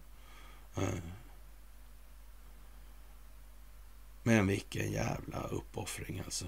Ja, som sagt. Men bra gjort alltså. En applåd. Ja, och de här ryska oligarkerna där. Det är inte bara Deripaska som skäl på Putins penna, utan det är ju massa... Det var ju som sagt, om man inte förstår att det här är spel nu så då får man titta på den några gånger till och undra om han verkligen inte mindes att han inte hade skrivit på det där och försöka sno pennan ovanpå det liksom och tänka sig komma undan med det liksom. Mm, hela världen står och tittar. Ja. ja. Och den prestigeförlusten hade Vladimir Putin gärna tagit då att de... Ja, jag vet inte, det där är lite konstigt egentligen att det inte går, gick snabbare. Sådär. Och eh, ja, det är inte bara i Maricopa eller inte Arizona och, och, så som det är strul alltså. Nej, det är ju inte det. Det är ju inte det, faktiskt. Ja, och nu har man förstört massa... Finns det film på när man har förstört valsedlar med, med sån här eh, destruktionsapparat, alltså strimla papper. Ja. Det var ju konstigt alltså. Mm. Strimla valsedlar på valnatten förra året. Ja, det där är ju konstigt. Mycket märkligt. Hur blir det då om det är så? Mm. Det visar sig då att de har fuskat på alla upptänkliga vis. Vänta, har jag hört det någonstans? Ja. Och, och det sammanlagda uttalet, eller eh, utfallet av det här fusket är ljusår mycket bättre siffror för underlivsporslin än man skulle kunna prestera. Alltså 81 miljoner röster, det mesta som någon amerikansk president någonsin har fått. Mm, konstigt. Men det är inte planerat. Det är inget folkbildningsprojekt. Det är ingen stingoperation. Nej, det är inte det. Mm. Det sitter inte ihop. Nej. Den djupa staten är inte infiltrerad. Håll, hållhakarna är inte övertagna. Lustigt, alltså samma ordergångar också. Mm. Det är inte så där så att det är någon diktator som kommer nära. Det verkar vara som att glider på samma macka. Liksom, sådär. Samma räkmacka på något vis. Mm. Ja, då krävs det nog man har koll på toppen. Du vet, toppen, pyramidlocket liksom. Mm, som gör att det inte växer upp någon annan. Ja, det verkar vara lite av den modellen tror jag. Ja, men jag kan ju ha fel också, det ska man inte sticka under stol med. Alltså det, det kan vara helt andra, det kan vara aliens också. Det kan vara blodslinjer, det kan vara trifiderna och, och sådär. Alltså. Trifiderna anfaller. Mm. Sådana klickande blommor som jag vet inte hur det där var. Liksom. Ja. ja, ja, ja, ja. Mycket speciellt alltså. Och ja, Anders Lindberg naturligtvis är, är ju... Ja, de här satans mördarna borde inte få hålla på alltså. Ja. Och, och, lite grann sådär äh, med Anders Lindberg där. Han, han, vi kan väl gissa på att EU Åsa är en inte black om foten. Alltså, för i den meningen så är han nog ingen, inte så dålig i alla fall. Han håller nog fast vid Åsa rätt bra sådär. Och, och, han är inte helt tappad i alla avseenden i alla fall. Men i alla fall så... så men hennes ja, gärning i EU liksom som miljö koldioxidminister eller vad det nu var, motsvarande i alla fall. Så, så ja. Han är, han är lite speciell alltså. Och man får väl eh, någonstans eh, säga då i alla fall att han, eh, ja. Han skriver så här i alla fall. Ett år har gått sedan vi vaknade upp till Rysslands attack på Ukraina. Ja, och i början av ny var nyheterna förvirrade. Putins krigsmaskin regnade död och förintelse över Ukraina från norr, öster och söder. Pansarbrigader rullade över gränserna. Ja, okej. Okay. Nu har inte Anders gjort lumpen, tror jag. Det tror jag faktiskt inte. Sådär, alltså. Känns inte så i alla fall.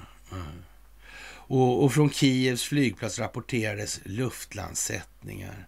Det tunga mullret från artilleri, flygvapen och vinande kryssningsrobotar fyllde sociala medier från tusentals vanliga människor i Ukraina. Via telefoner kunde vi alla se vad som hände, när det hände, underifrån. Europa var, som vi kände det, under attack. Experter gav Ukrainas väpnade styrkor några dagar eller kanske till och med veckor. Och tre dagar senare, motsvarande nu på måndag, nådde de första ryska trupperna till Butja. En dryg månad var ockupationen. När trupper från Ukraina återvände i april upptäckte de att de ryska trupperna mördat mängder av civila. Alltså. Vissa lik hade de låtit ligga kvar på gatorna, ibland bakbundna och, och, ja, andra hittades i sina hus eller i brunnar och improviserade massgravar. Alltså. Ja, ja, det var ju konstigt att de gjorde sådär där. överhuvudtaget. Varför grävde de ner dem för? Är det liksom någon idé man har? Man, man har tid med det när man håller på med krig och gräva gravar och sånt där. Speciellt som man håller på med invasions eller fullskaliga invasionsföretag. Ja. Eller numera fullskaligt krig. Okej. Okay. Ja. ja, jag vet inte. Eh, riktigt hur många som mördades kan vi ännu inte vara säkra på. Men en sak vet vi. Eh, ja. det, här, det är så här Ryssland för krig. Och nu är det ukrainska städers tur att malas ner av urskillningslösa attacker av artilleri och stridsflyg mot civila mål. Eh, minns bilderna från Grosny i Tjetjenien eller Aleppo i Syrien. Berättelserna om ryska massmord, tortyr och massvåldtäkter. Det ser vi i Ukraina. Det är inget nytt. Ja, så varför får dessa satans mördare hålla på? Som Olof Palme uttryckte saken om en annan fascistisk regim, Francisco Francos i Spanien, som hade vapen från oh, Karlskoga, ja. Mm. För en riksdaler banco. sätter vår regim en Franco, sa Karl Gerhard. Det har Anders missat kanske, jag är inte säker. Men ja, jag vet inte. Han, han verkar ge, han ger lite intrycket av att han inte kommer ihåg det där riktigt. Alltså. Nej. Ja, svaret är tyvärr att motkrafterna hittills har varit för svaga och viljelösa. Väst har låtit det ske genom passivitet och naivitet. Hade Vladimir Putin mött tillräckligt motstånd när han invaderade Georgien 2008 eller Ukraina 2014 skulle vi sannolikt ha sluppit Butja. Eh, genom att Putins, Putin invaderade Ukraina har risken för krig ökat även i vårt närområde samtidigt som den europeiska säkerhetsordning som vi haft sedan 1970-talet brutit samman. Ja, det här kalla kriget var det ett hittepå kanske. Jag vet inte vad Anders gör när han håller på med det här egentligen. Mm. Men hans framtid inom medierna Nej, alltså det känns lite grann som att...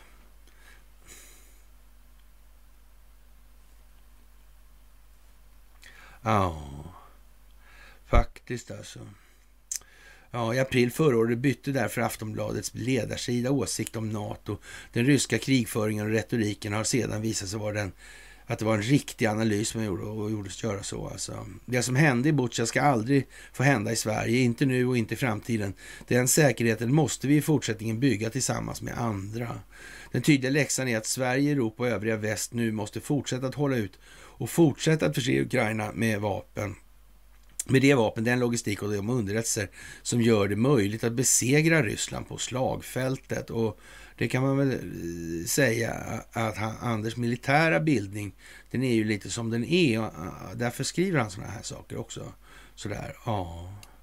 Och mm, eh, fler stridsvagnar. Igår öppnade försvarsminister Paul Jonsson, eh, moderat, för att även Sverige ska bidra med stridsvagnar till Ukraina som ett komplement till det omfattande stöd som redan ges. Vi är öppna för det och vi får en nära dialog med ja, framförallt Tyskland om det, säger han i TT.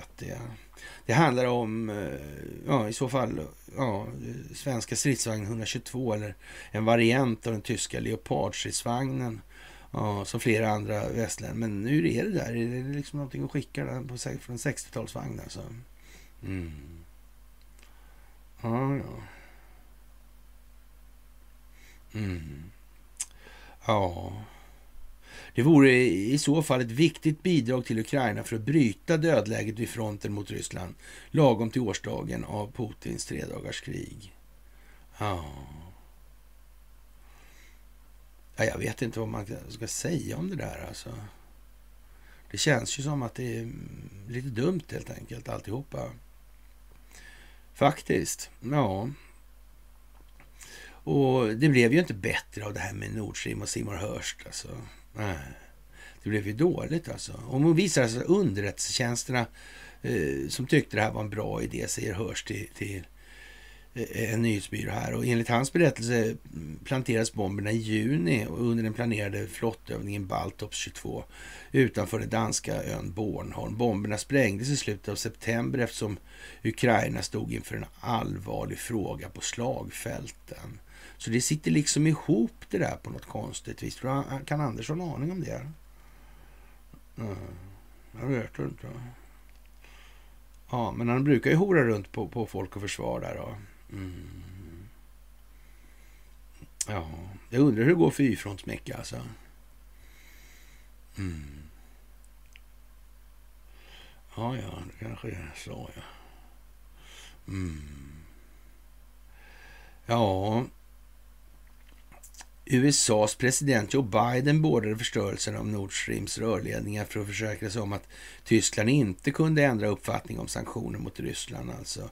Han försvarar NATO-doktrinen därmed. Alltså. Han ser till att hålla Tyskland nere för att eh, NATO ska kunna finnas inne och hålla Ryssland ute. Så att inte Ryssland ska bedriva handel med Europa. Mm. Vad säger det om Sverige egentligen i det sammanhanget? Vad är, och svensk ställningstagande?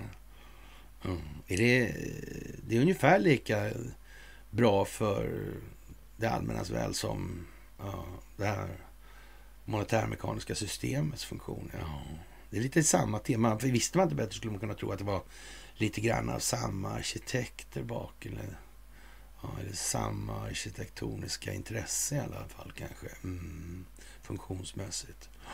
Ja, det verkar ju inte bättre helt enkelt. Nej, konstigt. Ja. Människorna som gjorde det här inom underrättelsetjänsten, de tyckte först att det var en bra idé, så hörs det den här mediebyrån då. Och det får man ju säga, men ja, det kommer inte att hjälpa det här alltså. Det här, mycket märkligt, hela grejen. Kan det vara riggat helt enkelt? Ja. Mm. Det kan det nog vara, va? Ja. Skälet för uppdraget var att se till att Europa fortsätter att stödja NATO, fortsätter att ja, ge bort vapen i det här som kallas för proxykrig mot Ryssland. Ja, det där är ju lite speciellt alltså. Mm. Då undrar kanske vän av ordning då hur länge ska det här hålla på då? Mm. Ja, det är lustigt nog så kommer det hålla på lika länge som det behövs på alla andra fronter. Mm. Så är det ju. Folkbildningen är global. Mm. Den är även på en boll. Alltså som en boll. Alltså det är alla perspektiv. Alltså. Mm. Ja, det är lite speciellt alltså. Och varför eh, reparerar man inte de här då? då? Nej, för det är därför att det är ett folkbildningsprojekt alltså. Mm. Om de inte redan är reparerade alltså. Mm. Sådär. Det kan ju vara så att det här var Ja, det var vidtaget mått och steg redan innan. Sådär. Man vet ju inte. Nej, det gör man ju inte. Ja, det har inte gått så bra för uh, djupa staten egentligen och sen Hillary Clinton förlorade det här valet 2016. Mm.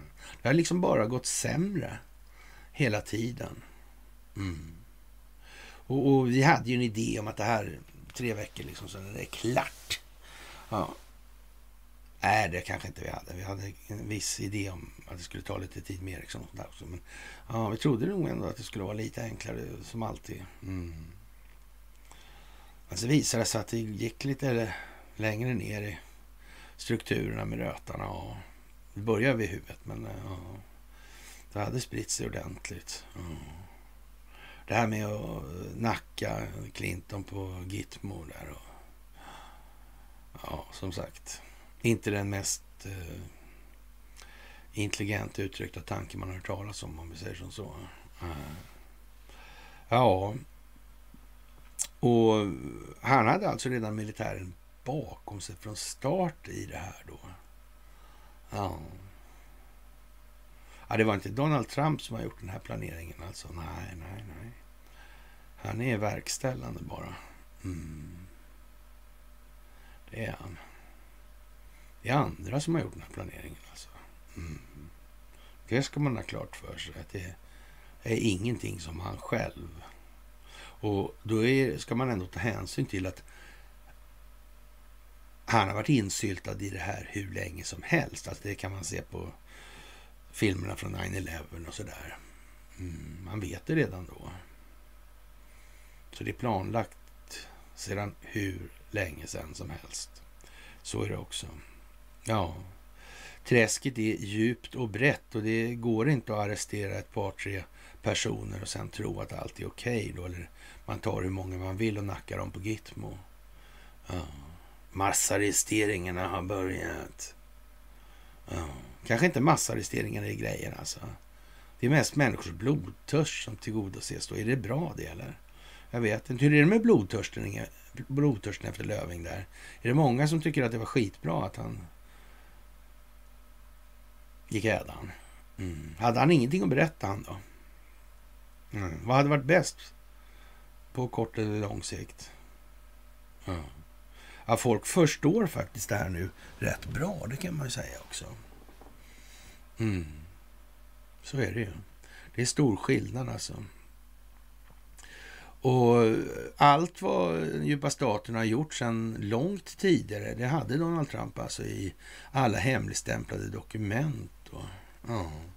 och det gjorde att han faktiskt kunde säga att de hade allting och de var faktiskt, ja, de kommer att ta alla. Mm. Men det här var ju sedan alltså långt före han blev president. Ja. För den här, det är ju en världsordning alltså. Som välter nu. Mm. Och det kan inte vara så där jävla hundra har panta in allting i det. Och sen stå här nu. För oss som så att säga har dragit det här åt andra hållet. Ja, under rätt lång tid. Det är lite bättre helt enkelt. Det känns lite... Ja. Mm.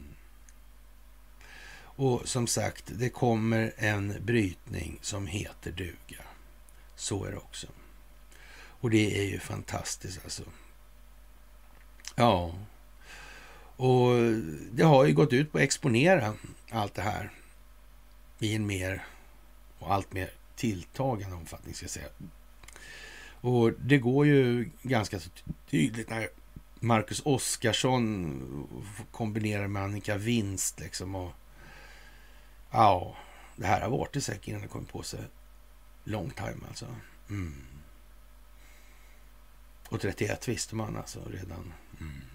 De här guldkopplingar på pundet och Kryger imperiet och reformationen och det tyska banksystemet och så vidare. Så vidare. Mm. Ja, som sagt. Det var speciellt alltså. Och ja, det här med... Det här, vi vet normalt sett att något är på tok för uppvaknandeprocessen går framåt alltså. Men det tar tid för var och en att förstå det här osannolika som är realitet då alltså. Och det har tagit en väldig tid att få människor att förstå. Alltså. Den djupa statens system finns inte bara i USA utan det, det, är liksom över hela världen. Det är en global grej det här. Och att förstå det här, det är ju kanske inte så lätt om man inte har någon idé om att det överhuvudtaget inte finns något sånt. Alltså sådär, så att, mm. Och eh, ja, man, man, får ju ta det i delar alltså. Och militären finns klar att agera när de väl får klartecken. Men det det handlar om nu är att befolkningen i USA ska mer eller mindre öppet kräva att det blir en militär intervention. Mm. Men fortfarande så ska man ju använda de statliga institutioner som finns. Det kan liksom inte bli någon form av eh, halvtafflig militärdiktatur i den meningen. Nej, det ska det ju inte bli. Mm. Och då är det kanske bra att ha ett rättssystem och det är kanske bra att ha ett sånt i Sverige också. Vem vet alltså. Mm, inte ett system, det här är tjatet om grundlagar alltså. Jag vet inte om grundlagarna ingår i det svenska rättssystemet eller inte. Och om det nu handlar om det svenska rättssystemet så är jag inte säker på att grundlagarna i sig är kanske så här 100% lyckade då. Va? Och då får man kanske använda den här metoden som man har valt då att skicka upp saker i HD för att få periodiserande verkan på saker. Mm, så där i den möjligaste mån då, så att säga. Men mm, det här med kungahus, det är väl sådär va. Det verkar lite off helt enkelt. Mm som sagt. Och när man börjar titta på det här med WHO och World Economic Forum och IMF och så vidare så ser man egentligen att det är samma sak bakom det här hela tiden och vilka det är. Ja, varför är det en familj för som förekommer i alla de här sammanhangen? Hela, hela tiden alltså. De andra växlar ju åtminstone, men nej. Och ändå är de ingen som har hört talas om dem knappt. Det är konstigt. Det var först med internet. Mm. Det var ju det. Det verkar precis som att det eh, blev exponerat i en ökad omfattning på grund av informationsrörelseriktningens förändring. Mm. Nästan, va? Ja, jag tror faktiskt det, det var så. Ja, ja när Donald Trump kom till Vita husen och fick klartecken på att läsa allt det här då, då så ja, kunde han lägga saker och ting samman i det här bara enkelt då, som det var upplagt för så att säga. Han var beredd att ta den långa vägen och då måste han också få den djupa statens lakejer och fake news att göra vissa saker. Det behövdes att den djupa staten exponerades genom hela sitt system alltså. Och, och det skulle, förstod, förstod Donald Trump från början, alltså ta tid alltså. Han behövde sätta upp eh, en form av motuppror och han behövde befolkningen bakom sig i det här. Och helt plötsligt vaknade stora delar av befolkningen.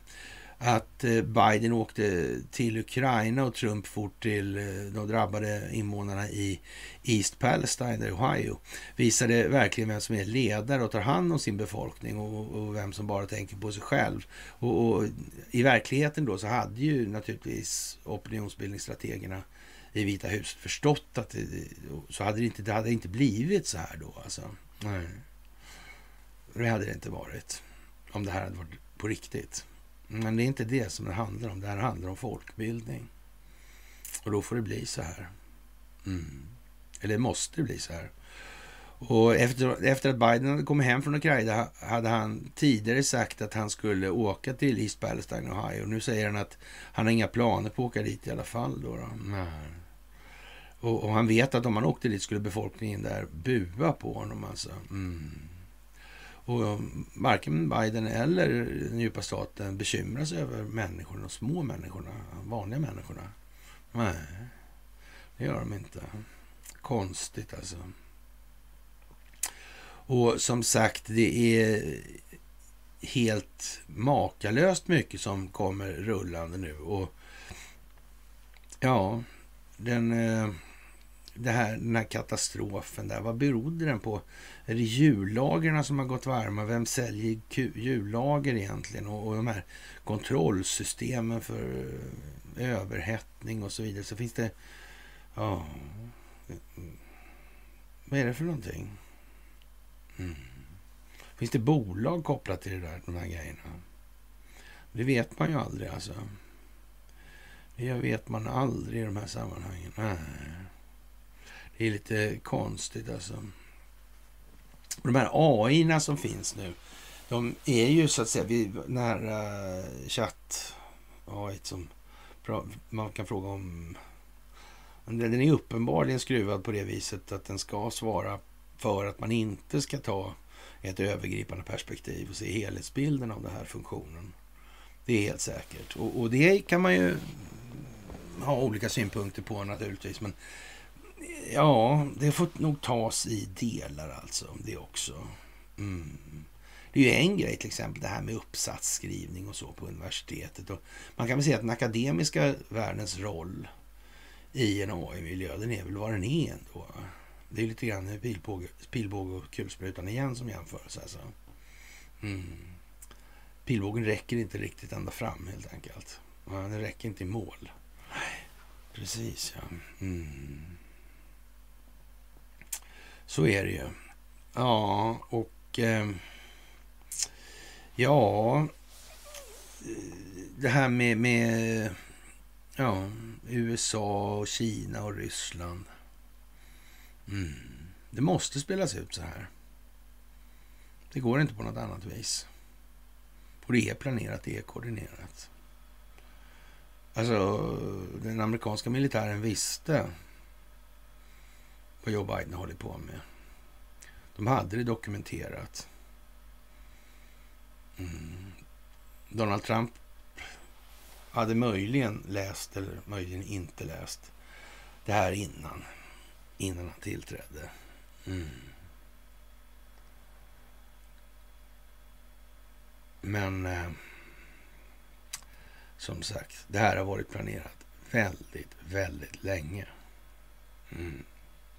Och om nu Boris Jeltsin, eller Boris Jeltsin då, Jeltsin,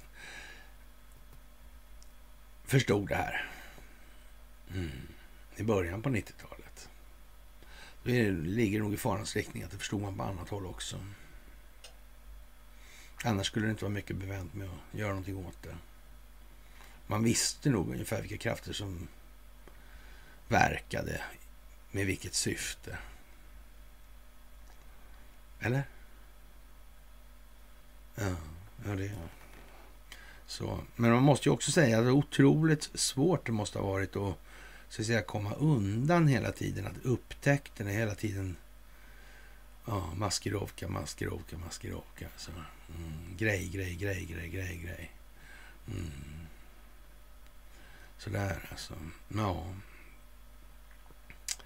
Och den som pushar mest för ett krig är alltså Victoria Nuland och det är ja, fuck EU-tanten alltså. Hon startade kriget 2014 alltså. Mm, men det är ingen som pratar om det konstigt nog alltså. Ah. Det där är ju... Mm.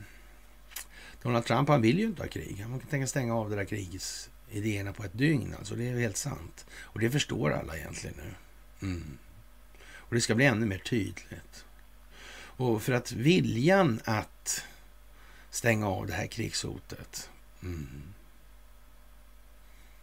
då kommer man att kräva från den amerikanska befolkningens sida att militären kliver in och sätter stopp för den här skiten. Mm. Det krävs nog ett krigshot, ett globalt krigshot. Mm.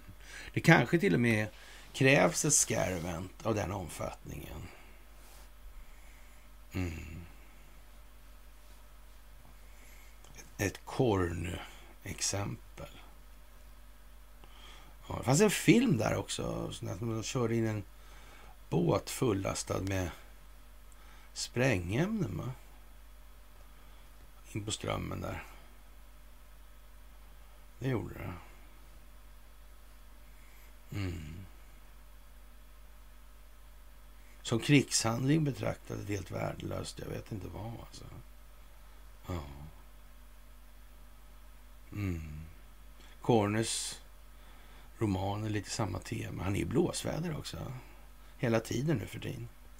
Han framstår kanske som, ja, om inte eh, helt efterbliven så i princip i alla fall.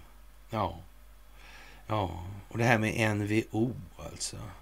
Nya världsordningen. Ja, ja FN.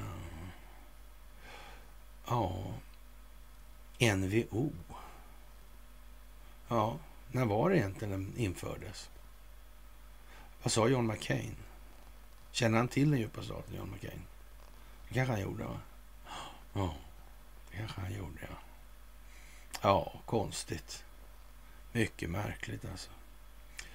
Ja, NVO och EF och globalisterna alltså. Mår inte så bra helt enkelt. Bretton Woods, Washington-förhandlingarna. Hm. Stella Polaris. Nürnbergrättegångarna. Fina saker i vår.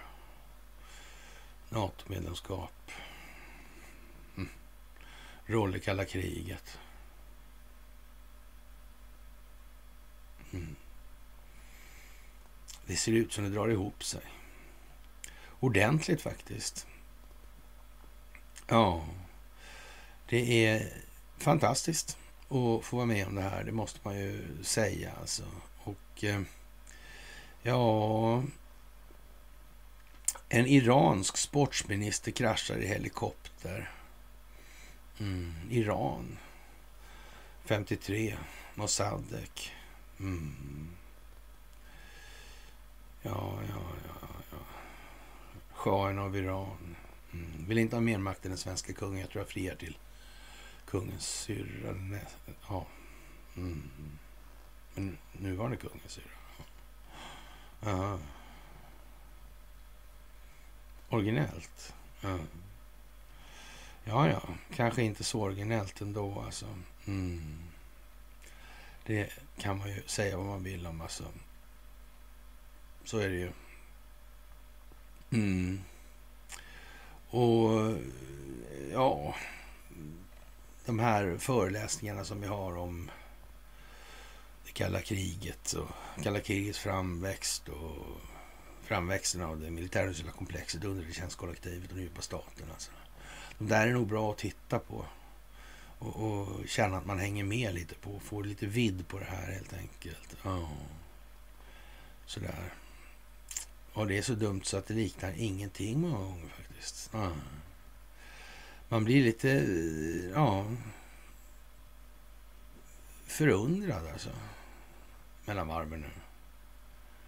Den här kategoriska motvilligheten. Mm. Men det är klart, det är rädsla, det är osäkerhet. Så är det ju. Så är det absolut. Och vad ska vi säga egentligen? Det här med rökstenen och Sveriges uppkomst och riket, landet och, och skatterna. Ja, inte de här guldskatterna i kister nu alltså, utan skatteuppbörden alltså. Vad en upptar skatt alltså. Mm. 1623 års säterifriordning, vad var det för någonting då? Vad var det man gick ifrån och vad man kom till i de här sammanhangen? Mm. Skattefrälsen. Vad var det för något nu då? Mm. Och så vidare. Fanns det en förlaga till det här sen långt tidigare? Ungefär ja, 800 år ytterligare bakåt kanske? Ja, jag vet inte. Byggde det på handelsvägar? Där. Ja, var det båtar också? va? Ja, det var, det var ju förresten tidigare också, sen på, eller senare på 1600-talet också. Det var ju båtsmansbesättningar och sådana här prylar också. Ja, just det. Man samlade flottan där i Älvsnabbsbassängen och mönstrade besättningsfolk då. Ja, på Årsta ängar, ja. Just det. I Årsta slott, där, ja. ja. Och sen var det ju bara liksom... Ja, i princip ut då. Mm, vad konstigt. Ja. Ja, upp och runda Muskö och så ner sö- sydvart till Älvsnabbsbassängen. Mm, det var inte så långt. Det var ju smart upplägg det där. Mm. Vad handlar det om då? Skydda handel kanske? Mm. Det var ju speciellt. Och de här stridsvagnarna i Ukraina som inte verkar... Amerikanerna måste ju bygga sina nya. Det tycker jag är speciellt. Alltså. Bygga gamla nya alltså. Ja. Eller bygga nya gamla. Ja. Ingen anar oråd, ingen tycker det verkar konstigt, dumt. Mm, trots allt medelfödd och motmedel, är det riktigt, riktigt det här? Ja, är det trovärdigt? Mm. Är det svårt att se på något vis? Är svårt att förstå? Jag vet inte, naturligtvis inte alltså. Det, det, det kan man ju inte säga. Sådär alltså. Och ja, Kristersson, nytt EU-center ska granska ryska krigsbrott. Frågan är väl alltså, man måste ju ändå bevara frågan om sin egen dumhet levande hos sin egen befolkning. Det måste Kristersson också göra. Ingen får ju glömma liksom att han är barnhandlare och allt det här. Det måste ju liksom komma fram att han är en riktig marionettfigur som inte duger någonting till helt enkelt. Utan bara ställer till helvete var han än kommer. Mm. Det måste hållas kvar liksom. Mm. Och om nu Ryssland vinner, vinner det här kriget då. Mm. Vadå ska Kristersson tror att han kommer att vadå, författa ordningen som gäller då? Eller hur fan tänker han? Eller ska det gällen göra det istället kanske? Mm. Pekar åt Kina med hela handen. Ja, jag vet inte. Jag tror att om det nu är vinnaren som skriver historien så kan man ju nog helst ge fan i att förlora då. då. Om man har tänkt sig att det ska... Och, och om nu man kommer vinnande ur det här från rysk sida, och det gör man helt garanterat, så, så ja, hur ska de granska ryska krigsbrott? Ja. Om amerikanerna vill de ha krig på halsen för Europas skull? Nej. Utan amerikanerna i det här... Ja. Amerikanerna kanske bara säger nej. Mm. Var hamnar Europa då? Mm. Var hamnar den djupa staten i Europa då? Mm. Skulle det kunna vara någon som har räknat ut det här kanske? Man vet ju inte. Kanske redan innan Donald Trump blir president. Det vet man ju aldrig. Det är ju konstigt alltså. EUs samtliga ledare har i alla fall ställt sig bakom att inrätta ett internationellt centrum i Haag för att utreda ryska krigsbrott i Ukraina. Jag undrar vem det är som egentligen kommer ja, faktiskt alltså. Man får vara försiktig med vad man önskar sig i tider som det här. Mm. Återigen verkar det ju precis som Ja, det här med den här bilden på en... Ja, Fox-världen där. Och Fox och Dominion där. Och det verkar ju som att Dominion, om det är så att det förekommer valfusk och så där, då, då blir det ju helt fel allting alltså. När man har sagt en massa saker om Fox. Ja, det, det blir ju liksom tvärtom då ju. Ja. Mm. Tänk om man inrättar ett sånt här institut. Mm. Och det börjar verka på riktigt, inte för att gynna enskilda vinstmaximeringsintressen. Hur blir det då, tro? Mm. Konstigt alltså. Kanske det här institutet kan eh, handlägga legoknekteri med påföljder som varje land är skyldigt att följa. Eller också kanske man ska ha en terroristinkubator som vi har haft. Eller? Nej, jag vet inte. Mm. Ja, ja. Och Kristersson han slarvar ju inte med någonting alltså. Och, och det här med försenade vinsttaket alltså. Det har han ju inte. Ja, det ska minsann införas och sådär. Och, och, och det ska. Ja, de har gjort allt de har kunnat på så kort tid som möjligt utan att bryta mot grundlagen. Jag är inte riktigt säker på var i grundlagen det här eh, statueras då, men mycket märklig grej alltså. Mm. Och det, det är finansekonomiska experter man förlitar sig på i det här. De är naturligtvis helt oberoende. Mm. Ja, jag vet faktiskt inte. Och, och helt plötsligt börjar svenska medier rapportera om att kriget i Ukraina börjar 2014. Alltså. Det är också en sån här konstig vändning. Vad händer det för? Varför? Varför? Ja, jag vet inte. Det är mycket märkligt alltså. Och miljardregn över investmentbolagen. Alltså så mycket får de i utdelningar 23 och så har man en bild på Fredrik Lundberg, Kristina Stenbeck och, och Jakob Wallenberg då. Mm. Vad kan det bli av det här? Vad kan det bli av det här med SCA? Vad kan det bli av den här grejen med jaktstugan? Är det så att det har försigkommit sånt där tidigare? Ja. I annan omfattning och regi kanske det kanske till och med har funnits en ansvarig på SCA för att hantera den här typen av tillställningar med tillbehör. Ja, tillbehörsansvarig kanske man skulle kunna säga. Ja. Ja, man vet ju aldrig vad, vilken smak som faller besökarna in. Eller som besökarna har. Sådär. Det måste ju vara en allsidig typ alltså. Sådär, när man har olika preferenskartor ska kunna komma till uttryck. Ja. Det verkar märkligt alltså. Eller man kanske helt har med, det är så små affärer man håller på med, så jag tror inte det är så. Nej. Faktiskt, nej. Och det här med, med Saab får NLO-order från Finland alltså. Ja. Mm. Ja...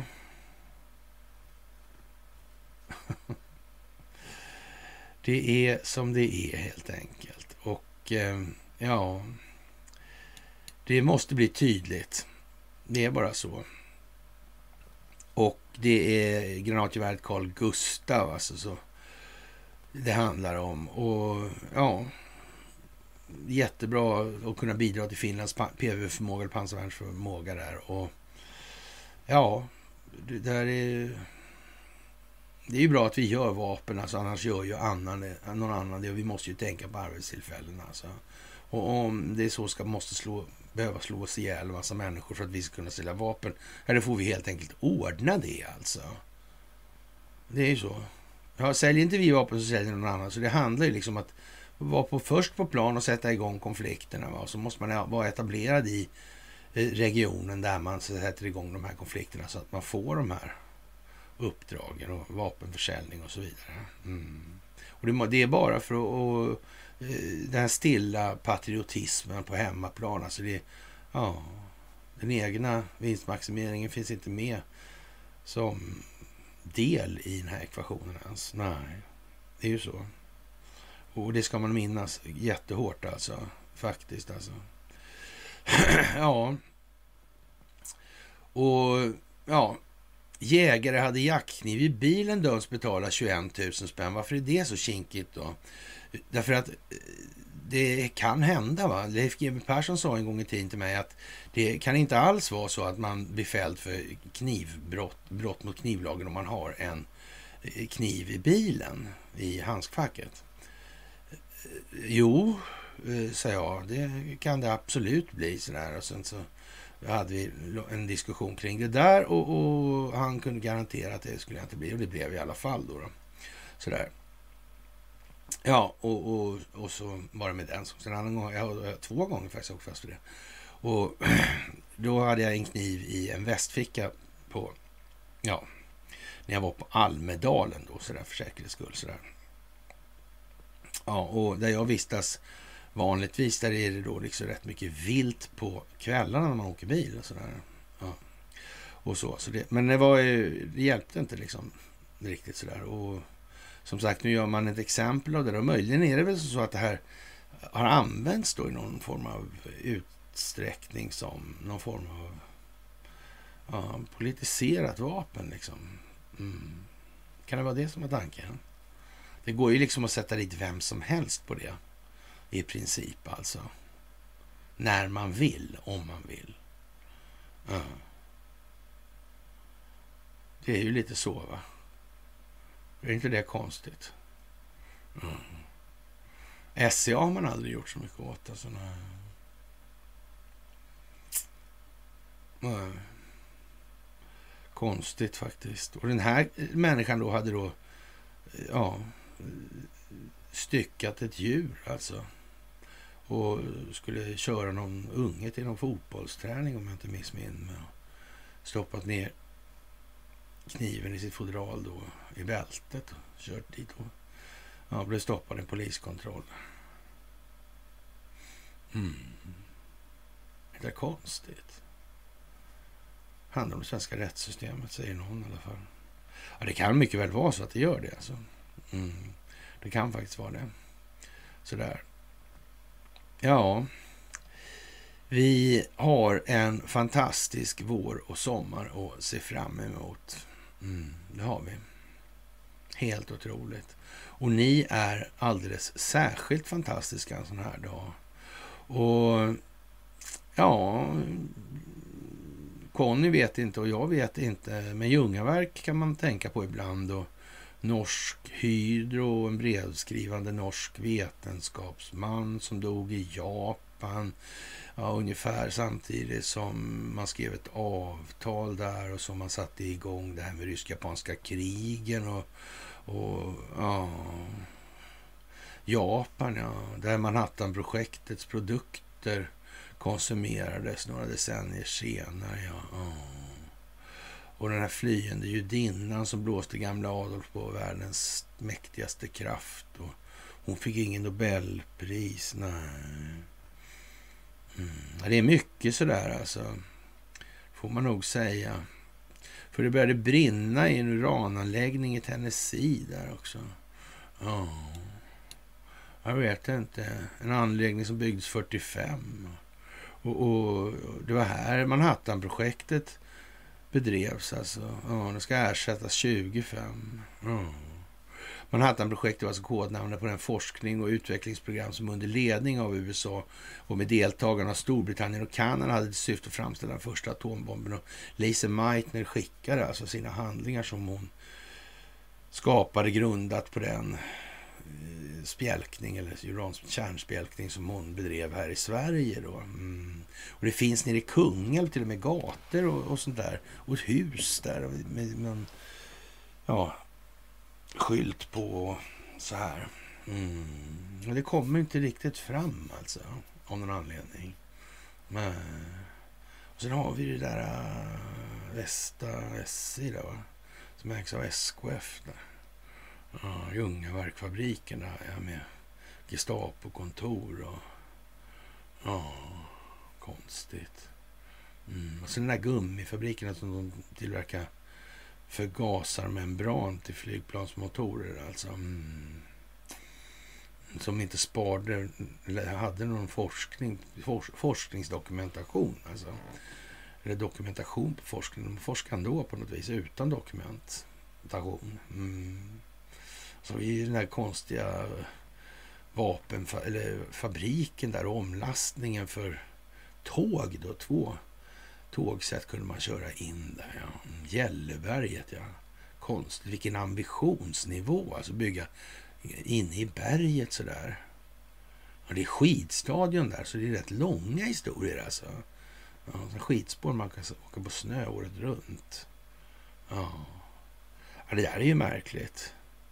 Får man ju säga alltså. Ja. ja. Upplysning och ledning till vidare upplysning och ledning minsann. Ja. ja. Det där är ju speciellt. Och, mm, Nord Streams utredare och eh, ja, påminner sig tidigare eh, ja, glömd då historia med norrmännens del i det här med underrättelsetjänster och verksamheten i Vietnam. Och, och vi drar oss minnet så att vi hade ju också någonting med det där att göra tror jag. Eller i alla fall hade då den här uh, Boris Hagelin som tidigare jobbade på uh, inom Investorsfären. Ja. Just det. Han som köpte det där uh, kryptograf och finansierades någonstans ifrån också har jag för mig. Ja, just det. Han, det där kryptograf var ju de som gjorde århundradets underrättelsekupp, alltså underrättelsetjänstkupp. Man avlyssnade 150 allierade. Mm. Ingen fiende givetvis.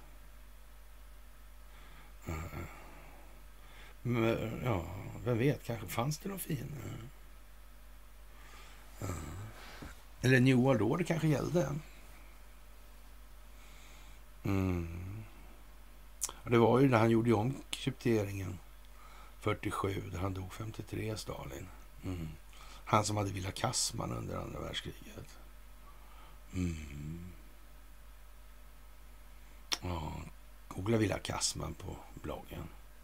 Får vi se om det klarnar lite. Mm. Det tror jag det gör.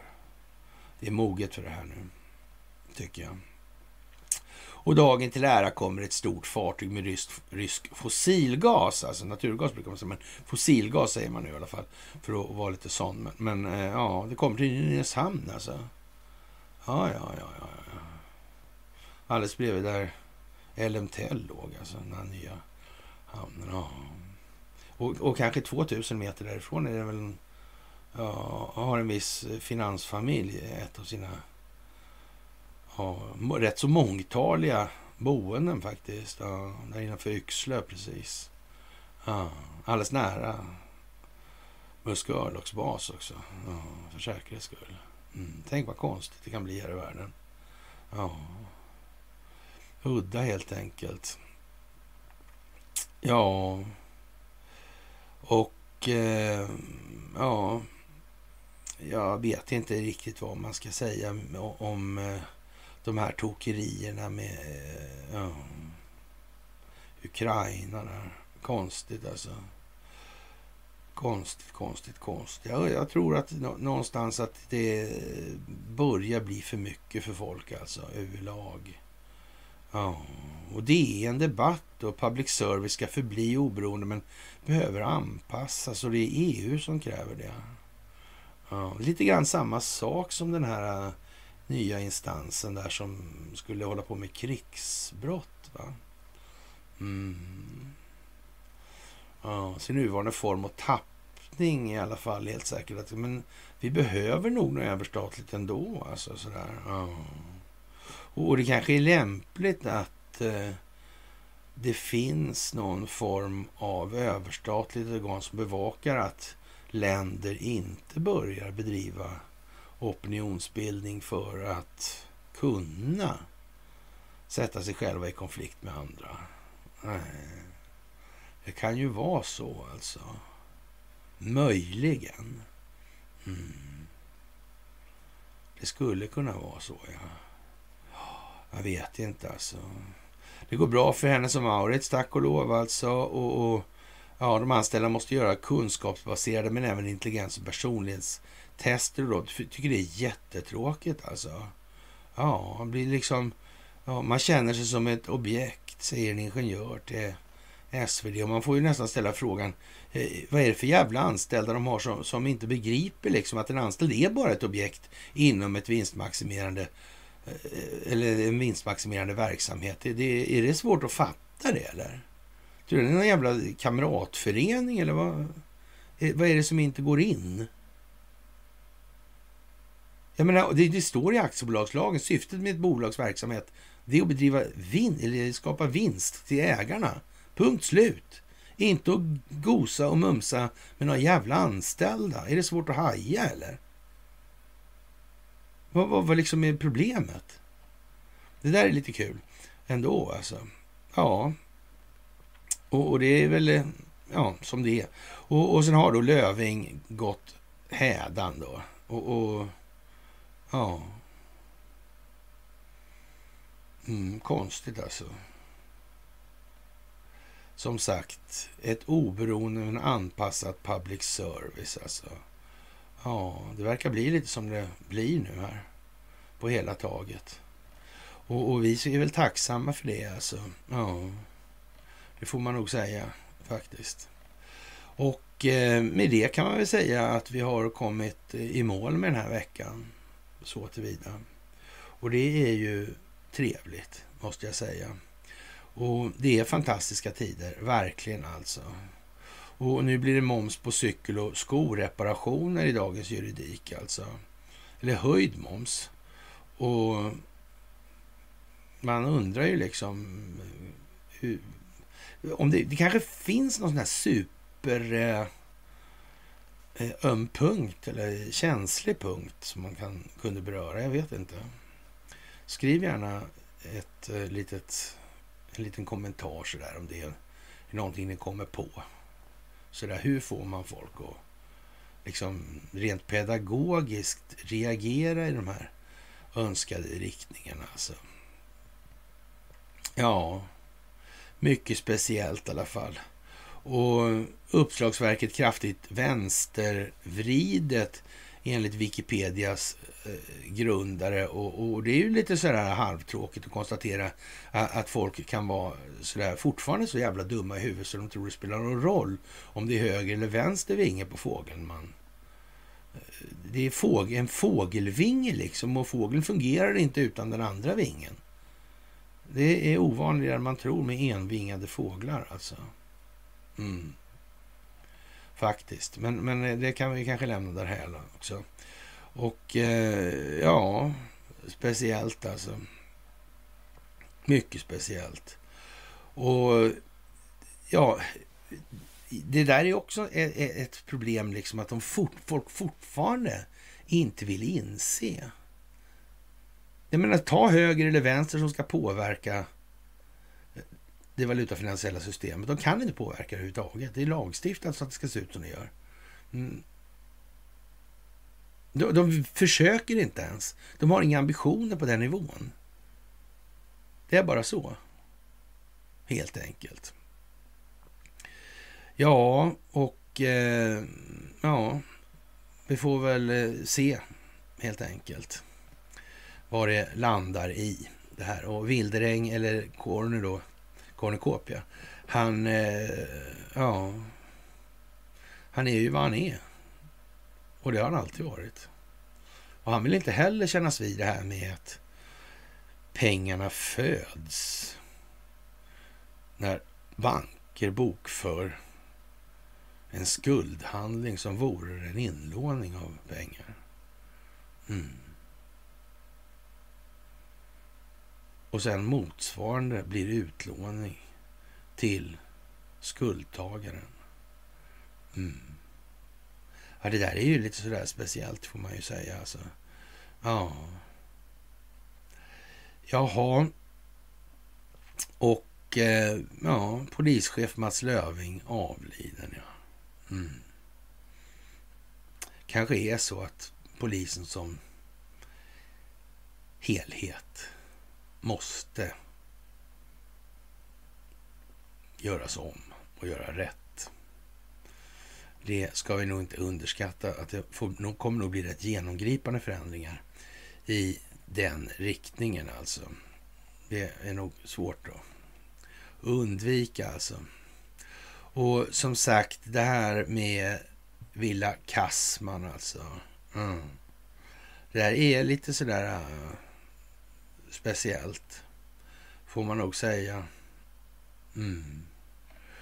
Det, det, där är bra att hålla reda på nu. Det finns en anledning till att den där har följt med i den här hanteringen länge. Jag var väl först i att ta tag i det där faktiskt. Och ja, det kommer ett slut på det där. Gör det. det kommer en upplösning på det där. Mm. Faktiskt. Och ehm, ja, Gunnar Kassman där han hade ju med Kryger att göra i det här. Mm. Så där alltså. Mm. Och där frihetsrörelsen håller till. Hänkar sig alltså. Mm. Ja, ja. Det, jag tröttnade snabbt på dem när jag fick syn på dem första gången. Kan vi väl säga sådär. Jag har väl inte mycket att hänga i julgran om man säger så. Ja, med det kära vänner så har vi blivit avverkat det här fredagsmyset och eh, vi hörs som allra senast på måndag alltså. Och helt garanterat så blir nästa vecka ännu mer händelserik än vad den här har varit. Mm. Och eh, det är som sagt det är fantastiskt att få göra det här tillsammans med er. Det måste jag bara säga ännu en gång. Och eh, med det så tillönskar jag er en fantastiskt trevlig helg så hörs vi senast måndag.